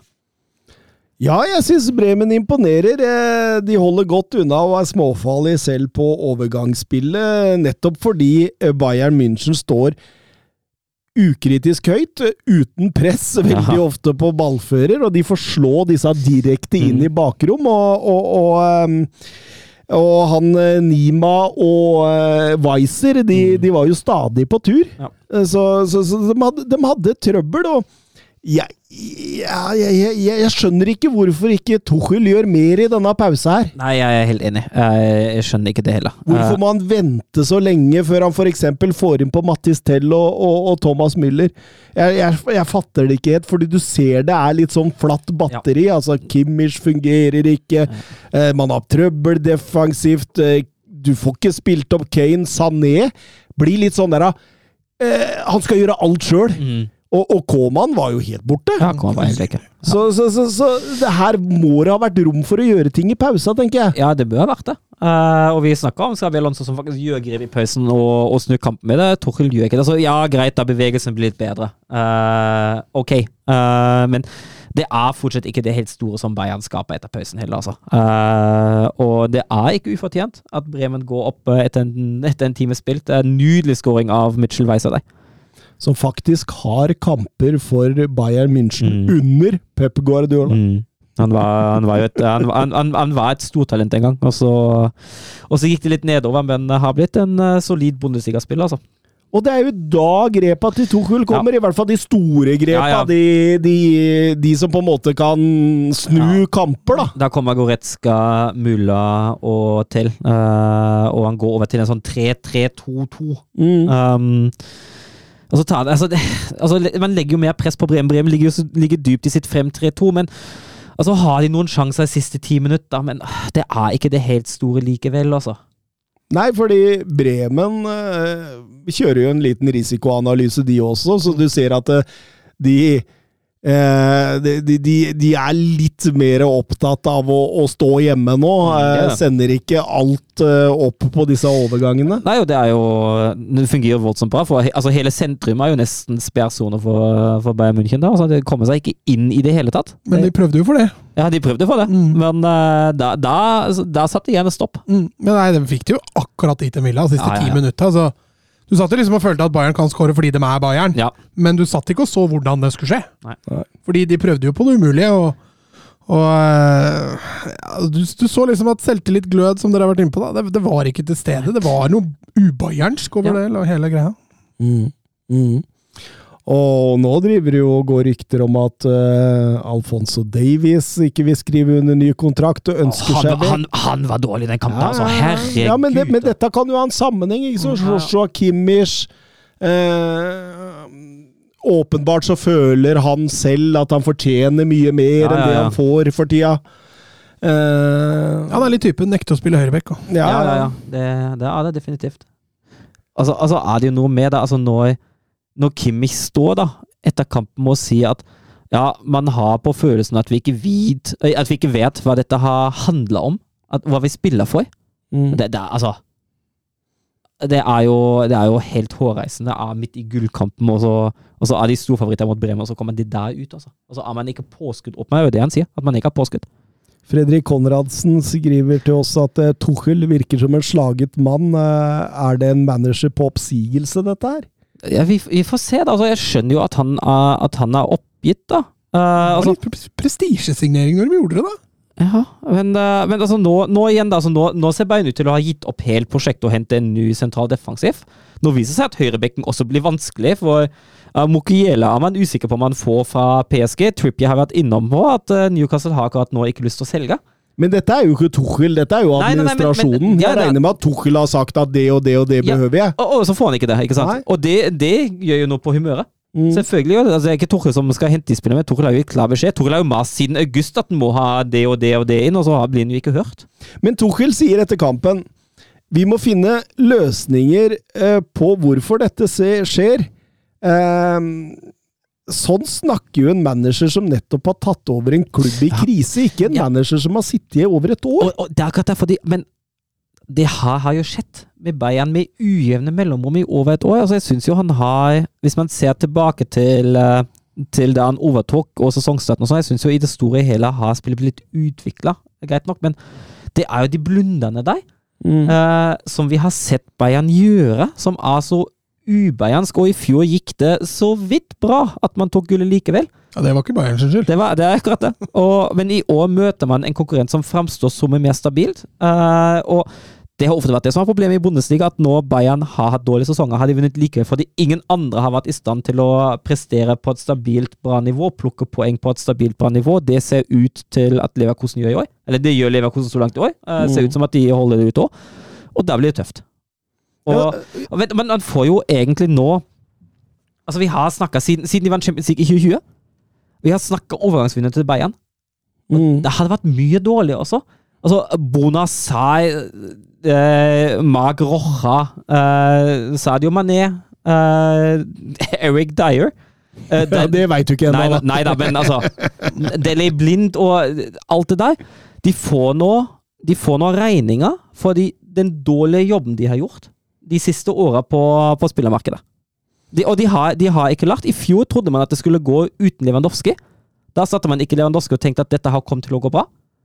I år har man en syltynn tropp bakover og tenker at det går bra. Men det, denne var også merkelig. Han sier eh, Jeg vil ikke si at vi har gode treninger, for ingen tror på meg uansett. Vi må spørre spillere hva som skjer, fordi vi er ustabile, og vi fortjente å tape denne kampen. Altså, dette er jo Mourinho light, Ja, det er det. og, og da begynner varsellampene å Ja, blinke, altså. Fordi Toril har jo også en historie med å surne til. Uh, og gjerne bli, uh, bli såpass sur at den får fuken etter ett og et halvt år. Mm. Det er jo det vi har snakka om da han ble ansatt òg. Men så får vi denne fra Milos, da. Denne hyggelige mm, karen på Twitter som følger Bayern eh, tett. Uh, Han skriver Den er lang, følg med. Eh, morsom inngang til en diskusjon. Eh, veldig få prater om dette, skriver han. Men kan Bayern eh, sin jakt på det perfekte 2025 være det stikk motsatte? Champions League i nytt format, hvor finalen i 2025 skal spille i München. Neuer og Müller med kontrakter ut 2025, hvor målet er å avslutte som legender med en Champions League-tittel i München. Bayern går all in for 2025, og det er ganske tydelig at de ikke vil bruke penger nå. For meg så virker det som styret ikke stoler på Tuchel, i og med at de ikke henter spillere han vil ha, men heller låner dem ut sesongen uten noen form for opsjon. Som om de ikke lar han hente inn sine spillere som ikke er riktig for neste trener. Noe skurrer, og jeg er overbevist om at det er styret sin jakt på det perfekte 2025, og spillerne er klar over det, og forbanna over at det kaster bort ett år av karrieren deres. Jeg syns eh, det er en spennende inngang. Um, og det er ikke noe tvil om at en, en Champions League-finale i München Det ligger utrolig mye prestisje i det. Det la det også sist da de spilte det i 2012. Da nådde de jo finalen og tapte mot Chelsea, men da har man snakka om uh, finale da Huam, uh, som det heter på bayersk, uh, veldig, veldig lenge. At det var en utpekt målsetning å komme seg dit. Um, men samtidig syns jeg også fortsatt det Altså, det grunnlaget for 2025-sesongen, det legges jo nå, da. Det er litt det, da. Altså, man, man, man kan vel ikke tro at man henter da fem nye spillere inn neste sesong som bare skal vokse sammen og, og vinne Champions League. Det er jo nå det grunnlaget må legges allerede. Eh, Men du får jo ikke gjort noe i januar. nei, nei, nei, selvfølgelig ikke. Men uh, jeg tenker jo altså hvis Spare penger til sommeren, kanskje. Ja, det, det kan jo hende. Men uh, jeg syns jo det er Altså, jeg, jeg føler at det er mer udugelighet fra de som styrer, uh, enn alt annet. Fordi man hadde muligheten til å hente inn en back og en defensiv midtbanespiller i, eh, i sommer. Man valgte å ikke gjøre det. Så i juni, Mats, så blir Jo Peinkes uh, presentert som, eh, som 2025s redningsmann. Flikk kan det jo kanskje bli. Ja. Men jeg syns jo den teorien om, eh, om at man kanskje ikke stoler 100% på Tuchel, er jo litt interessant, da. Um, for vi, vi veit jo ikke hva det ser ut på innsida. Um, Hønes var jo veldig overbevist om at man skulle ha Tuchel nå. Og det er jo han som fortsatt er syvende far i huset da, i den klubben. uh, som sitter og, og styrer nå også litt. Um, Men hvor godt forberedt var dette? Fordi mm. det, denne Bayern München-linken til Tuchel den kom jo ikke før det begynte å bli konkrete rykter på Tottenham og Nei. Tuchel. Ja, det virker som om de har kuppa det. Og at man har Mm. bestemt seg for at oi, nå var han ledig, nå må vi slå til. Hvis det Eh, ikke blir en bortefase. ja. Ja, Mm. det, det virket veldig sånn. Um, Ja, det er jo under et år siden. Stemmer, det var vel i februar-mars eller noe sånt. Og som Ja. Tottenham-supporter så begynner jeg jo å føle at det var en grei løsning for oss, da. Ja, men, men det er jo, altså, som sagt, det er jo altså, Rent fotballfaglig er jo Torhild meget bra. Ja da, ja da, for, for all del. Um, men han har jo, han har jo litt sånn de, de greiene der med at han uh, Han mister gjerne både klubbansatte og, og lag, fordi han, uh, han er den han er. Mm. Og det kan jo som sagt hende at han, at han har lært å, å skjerpe seg, men jeg tviler litt når jeg hører de intervjuene han har gitt nå etter Bremen, for det, det, det er litt sånn, noen litt sånn faretruende tegn der inne, altså.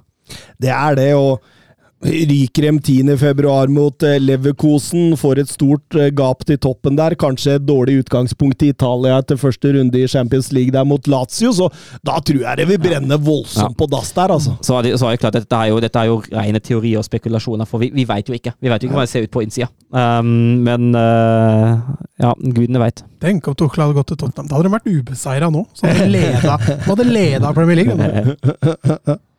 Bochum Stuttgart 1-0. Eh, andre tap på rad etter hin-runde, Søren? Ja, eller den siste, siste tapet var siste i hinrunde, men uh, etter årsskiftet. Ja, stemmer, stemmer. Ja. ja, altså Litt uheldig denne gangen, da. Jeg syns Stuttgart er det beste laget. Uh, men uh, men makter ikke å få ballen i mål, og Bochum er faktisk litt mer effektive enn de har vært uh, i store deler av sesongen. og Da blir det en, uh, en knepent 1-0 hjemmeseier, men uh, det Stuttgart-toget det har stoppa litt nå, altså. Og de møter jo Leipzig nå neste uke, og det er veldig spennende, for både Leipzig og Stuttgart står jo med null av seks i 2024.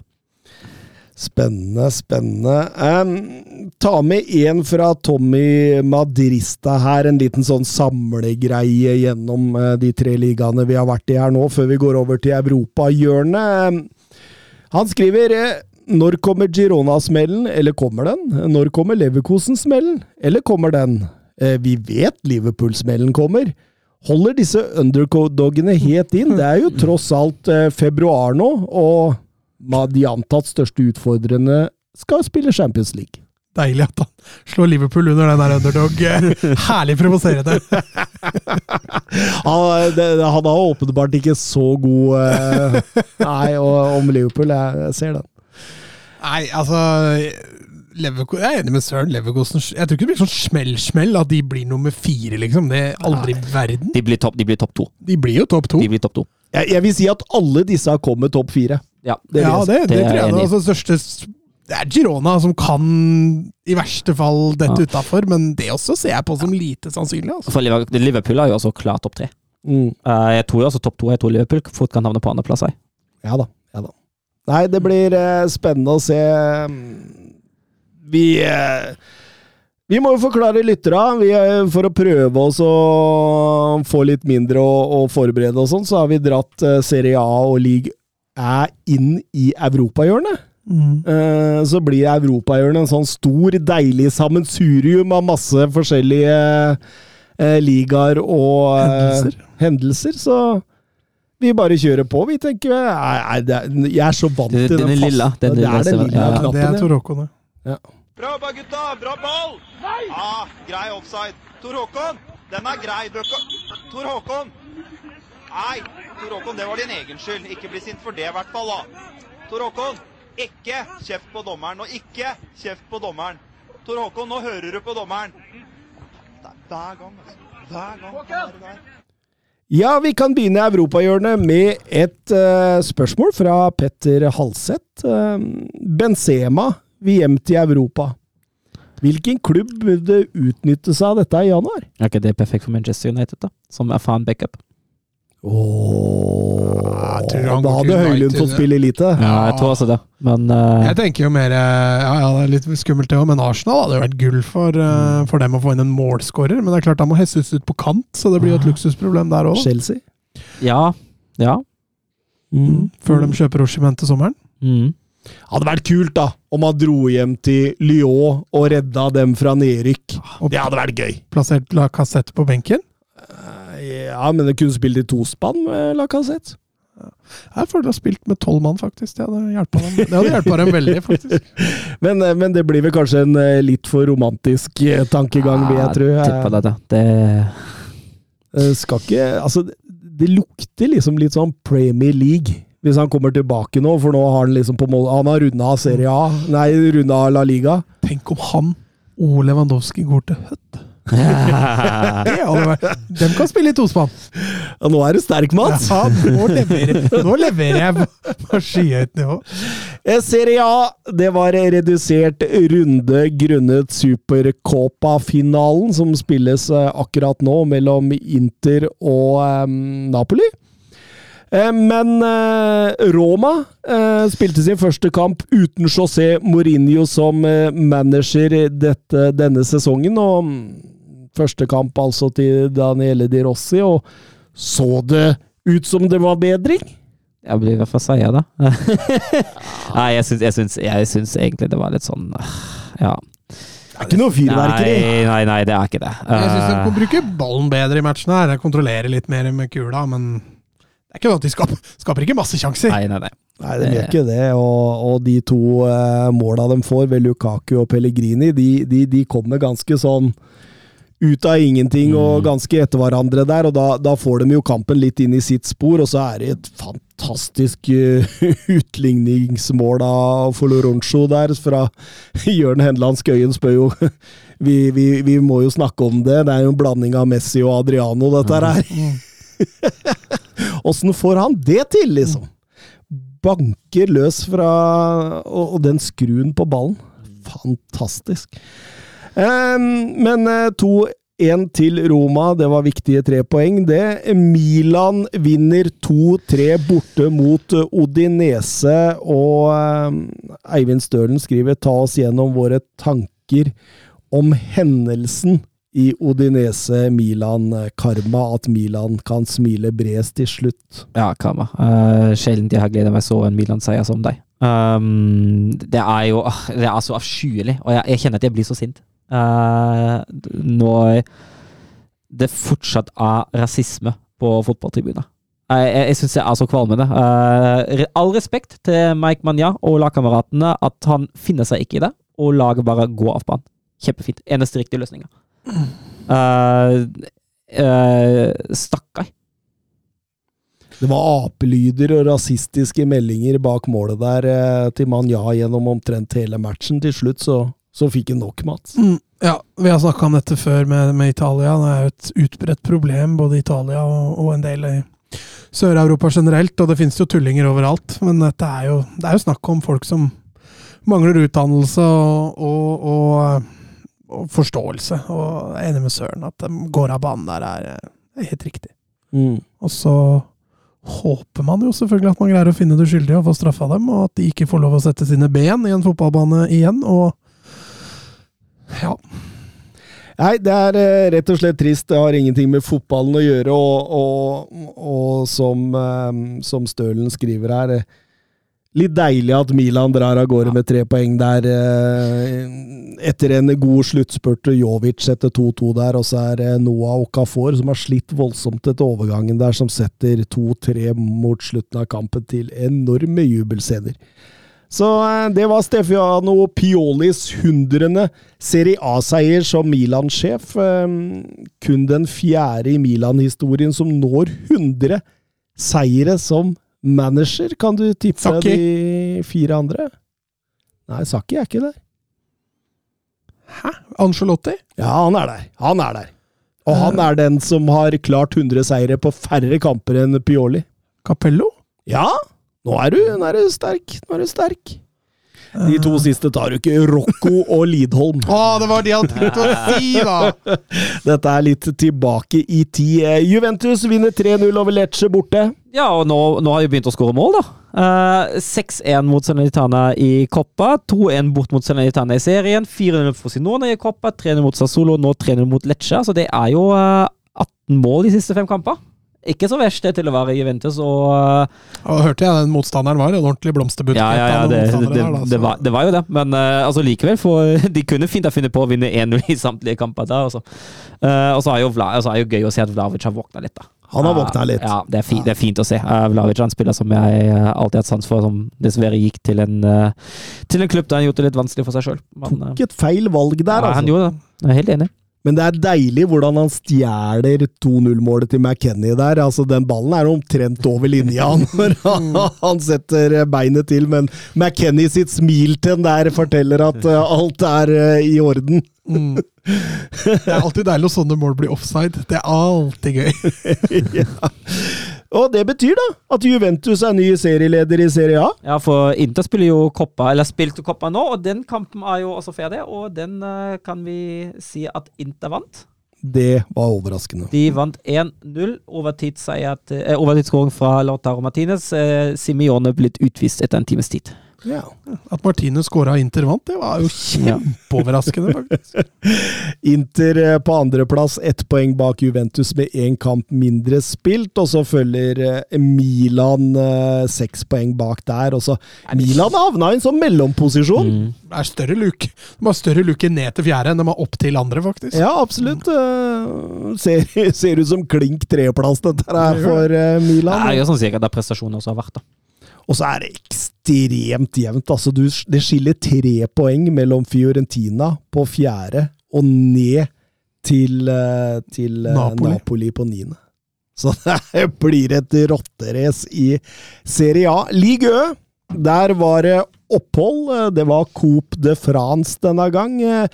Kan ta med at eh, Paris Saint-Germain enkelt slo Orleans eh, fra andre nivå, eh, eller jeg tror kanskje til og med var fra tre nivå, jeg. Ja. 1-4 borte, hvor Eton Mbappe kom inn mot slutten og, og fikk spille litt med broren sin for andre eller tredje gang denne sesongen. Det var gøy. Mm. Det er fint, da. Når han, han ene forsvinner, så har de han andre. ja, det litt annen type, vel å bemerke. Altså mer sentral eh, midtbanespiller. Det er ikke noe fartsmonster og fysikk eh, i eh, denne Eton. Ja, Men, eh, spennende. ja.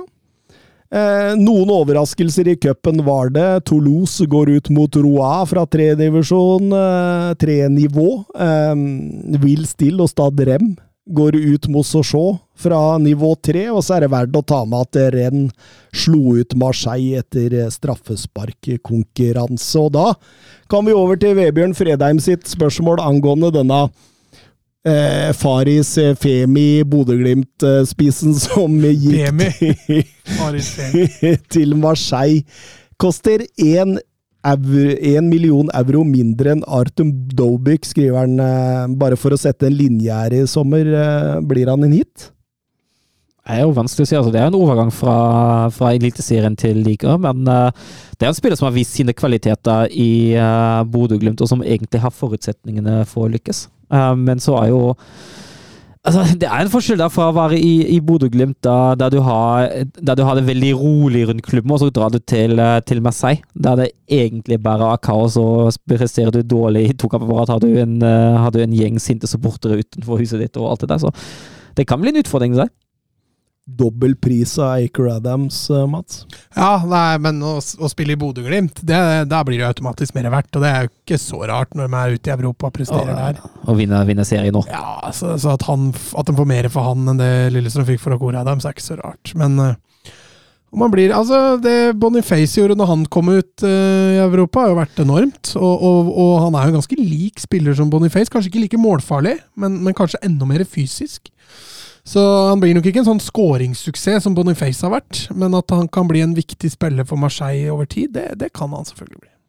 Spennende. Kasper Viktor Ruud Haaland, hvor god er egentlig Arthur Fermeren? Ser halve Europa er linka til nå? Jeg, jeg tror faktisk Kasper underdriver det. Jeg tror hele Europa er, Lillestrøm også, jeg faktisk ville hatt. Ja. Altså, det, det er noe voldsomt. Det er, det er liksom de fire-fem beste lagene i Premier League, de to-tre beste lagene i Tyskland, de to-tre beste lagene i, i Serie A, de to-tre beste lagene i La Liga, og sånn så kan vi bare fortsette. Og eh, er jo 18 år og leverer på et ekstremt høyt nivå, eh, allerede inne i et av verdens beste landslag, altså Belgia, og er, er jo veldig toveis. eh, har veldig mye Han er ikke noe poengkonge. Eh, men han er sånn ekstremt hardtarbeidende, energisk, presssterk. Eh, alt det som på en måte kreves i de største laga. Da. Og, og, og potensialet er så skyhøyt, eh, egentlig, for å bli en bli en boks til boks, en rein indreløper, eh, men også en sekser. Altså det, det, er enkelt å forstå hvorfor det, det nærmest er et race i Europa om å sikre signaturen hans. Eh, hvor tror du han går, Søren? Og jeg håper jo at han velger smart og velger en, uh, velger en klubb der han får spilletid. En mellomstasjon? Uh, en mellomstasjon, ja. Jeg håper det. Hva tenker du, Mats? Ja, Barcelona er jo en av de som er uh... Jeg har allerede Gavi, vet du. Litt sånn samme, samme Men Barca trenger en sekser, så hvis det er mulig å omskolere han til det, så kunne det selvfølgelig vært interessant. Og så får vi håpe at man aksepterer knappenåler og glansbilder som betaling, da. ja. Uh, ja Skal vi uh, gå inn på de siste spørsmåla, eller? Ja, gjør det. Har dere noe mer uh, å komme med her? Eller? Kan, kan si at eh, PSV faktisk har avgitt poeng, spilte bare 1-1 mot Utrecht. Så et, i kamp 18, da skulle det skje. Endelig kommet. Ja. Ja, så kan jeg også ta med fra, fra Liga Portugal at uh, Marcos Leonardo skårte sitt andre mål på, som innbytter uh, nok en gang. Så mm. Han er på gang. Han er på gang. Uh, Gustav Horndal har et spørsmål til oss. Tanker rundt Cristiano Ronaldos statement om at Saudi Pro League ikke står noe tilbake for league A. Man forstår jo at fyren er betalt, men dette blir bare for dumt, i mine øyne. Ja, altså, dette blir helt latterlig. Uh, det er jo, det handler jo litt om at altså, ja, han blir betalt, det er det ene. Han skal være en ambassadør. Uh, det andre er jo at det passer helt perfekt inn i Ronaldos selvbilde òg, fordi uh, ifølge Ronaldo er jo Ronaldo fortsatt verdens beste fotballspiller. og så er det jo neppe tilfeldig at han velger, velger heller. Uh, med tanke på at den, uh, det er den ligaen der Messi har vært. Uh, det, er, det, er jo, altså det, er, jo, bare å ikke ta seriøst. Det er jo, det er jo trolling på høyt nivå, det der. Altså. Det, det, er latterlig å mene det. Og det, altså, Saudi-Arabia er vel ikke den beste ligaen i Asia engang. Så Hvem er det? Ja, ikke Japan. Ok. J-league, J-league. Jeg har ikke fasiten, jeg. Nei, ikke, ikke jeg heller. Jeg følger men, ikke så, så, mye med, da. Men, men jeg tenker jo at Saudi Pro League er et sånt sted mellom Nederland, Belgia og Norge. Ja, det, det, såpass, der, såpass høyt, ja? Ja, et eller annet sted der må de jo ligge nå. Eh, Nei, vil altså, ikke tro det, ja. Altså, de er ikke under Eliteserien. Jeg, jeg veit ikke. Altså, du, har jo, ja, du har jo alle de stjernene, men jeg tror utenom de stjernene som har gått over der, det er det ganske, ganske skralt, altså. Jeg så liksom Neymar skåret et mål for et år siden der, hvor han nesten jogger gjennom, liksom. Mm. Jeg, jeg, tror det er sånn de store stjernene som drar det litt opp, men utover det er kvaliteten Ja, og så har du det der toppoppgjøret, Al-Nazar mot uh, et eller annet. Eh, som det er veldig mange tilskuere på, alt mulig sånt. Men hvis du ser litt nedover i divisjonen der, altså, så, så, finner du 200 tilskuere og, og knapt nok eh, noe som ligner på det man kan kalle toppfotball. Så det, nei, det er nok store variabler der. Jeg, skal, jeg, skal, jeg aner ikke, jeg har aldri sett en kamp derfra, men uh, jeg tipper at det er ja. Jeg leste den reportasjen fra VG, skjønner du. Det var litt interessant. Ja, ja. ja, De prøvde å få tak i nordmann. Jakten på en nordmann. Ja, det gikk ikke. Nei. Han ville ikke svare! Han så VG-logoen og bare forsvant andre vei, sto det. André Schjelderup, alle vil hjem fra Saudi-Arabia nå. Henderson, Benzema, Veiga, Milenkovic Savic med flere. Rom Mourinho har også sagt nei til en overgang til Saudi-Arabia. Begynner man å se de første tegnene på at det snur litt? Ja, definitivt. Uh, når spillerne nå går og vender tilbake et halvt år, er det, er det allerede på vei nedover. Og det er jo litt deilig å se. Ja, det kan godt hende at det er et tegn på det. Eh, det er vanskelig. Det er vel bare én som har dratt igjen, er det ikke det? Henderson foreløpig. Og at de andre ryktes hit og dit, det er vel greit naturlig, men vi må jo se overgangene før vi konkluderer. Men eh, vi var vel litt inne på dette i sommer, var vi ikke det? At dette er litt sånn luftslott. Jeg tror Milors skrev på Twitter til oss at eh, hvis de ikke var der i to år, så måtte de tilbakebetale 75 av Ja. lønna si. Noe sånt jeg så. Jeg så leser bare et utklipp fra en artikkel der det sto at Henderson egentlig ikke har fått en eneste krone fordi han gikk tilbake. Eh, Så han har ødelagt ryktet sitt og reputasjonen sin for ingenting. Hva faen har jeg gjort, tenker han. Ja, ja. Se Liverpool i, i uh, Nei, det, det, altså, jeg, jeg har, altså med Hender, jeg aner jo ikke, jeg aner ikke, men jeg har en, kanskje en mistanke om at han har fått beskjed fra Southgate at hvis ikke du uh, finner en ordentlig liga igjen, så var det det på landslaget. Jeg vet, jeg aner ikke, men det kan jeg fint se for meg. Ole Sandstrand han ønsker en Scandinavian Eleven. Jeg har ikke forberedt noe, men skal vi prøve å dra en sånn liten gøy en? Altså, altså, de, altså den beste Sette opp et elveren landslag da, fra Norge, Sverige og Danmark? Altså den beste elveren Norge, Sverige, Danmark kan la komme, liksom? Skal vi prøve uten å ha forberedt oss noe særlig? Schmeichel, da, eller? Det må jo bli det, for det er jo keeperkrise i hele Norden. Ja, Christian Christensen på høyrebekk? På høyrebekk, ja. Ja, greit det. Strandberg på stopp.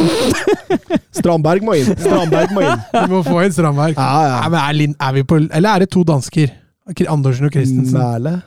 Ja, Ja, Male, Male, skal må inn. Male må inn. Da vi, det er mye dansker her, da. Ja. Ja, men det er ikke så rart, det. Men, eh, men Sverige og Norge sliter jo defensivt, Ja. begge to. Men da er det Lindeløf på Nei, Christensen og Andersen på stopperen. Mæle på venstrebekk og Christensen og Schmeichel i mål. Det er, Det er rei- fem- det er rein dansk. fem det. dansker, det. Ja. Ja. Men, men jeg tror ikke det er så, Eh, så langt unna sannheten, jeg. Nei, altså på midten Åssen skal, skal vi spille? 4-4-2, eller? Ja, må jo det. er alltid er 4-4-2. Det er 4-4-2 som er vår, eh, Ja. Vår eh, formasjon. Det er en traust formasjon. Ja, dritkjedelig. vi må gjøre noe med det. Ja, Da. jeg er enig. Men uh, greit. Uh, Vi setter opp 4-3-3 nå, da. For første gang. nei, vi må ha Isak og Haaland. Vi må ha begge. Ja, enig.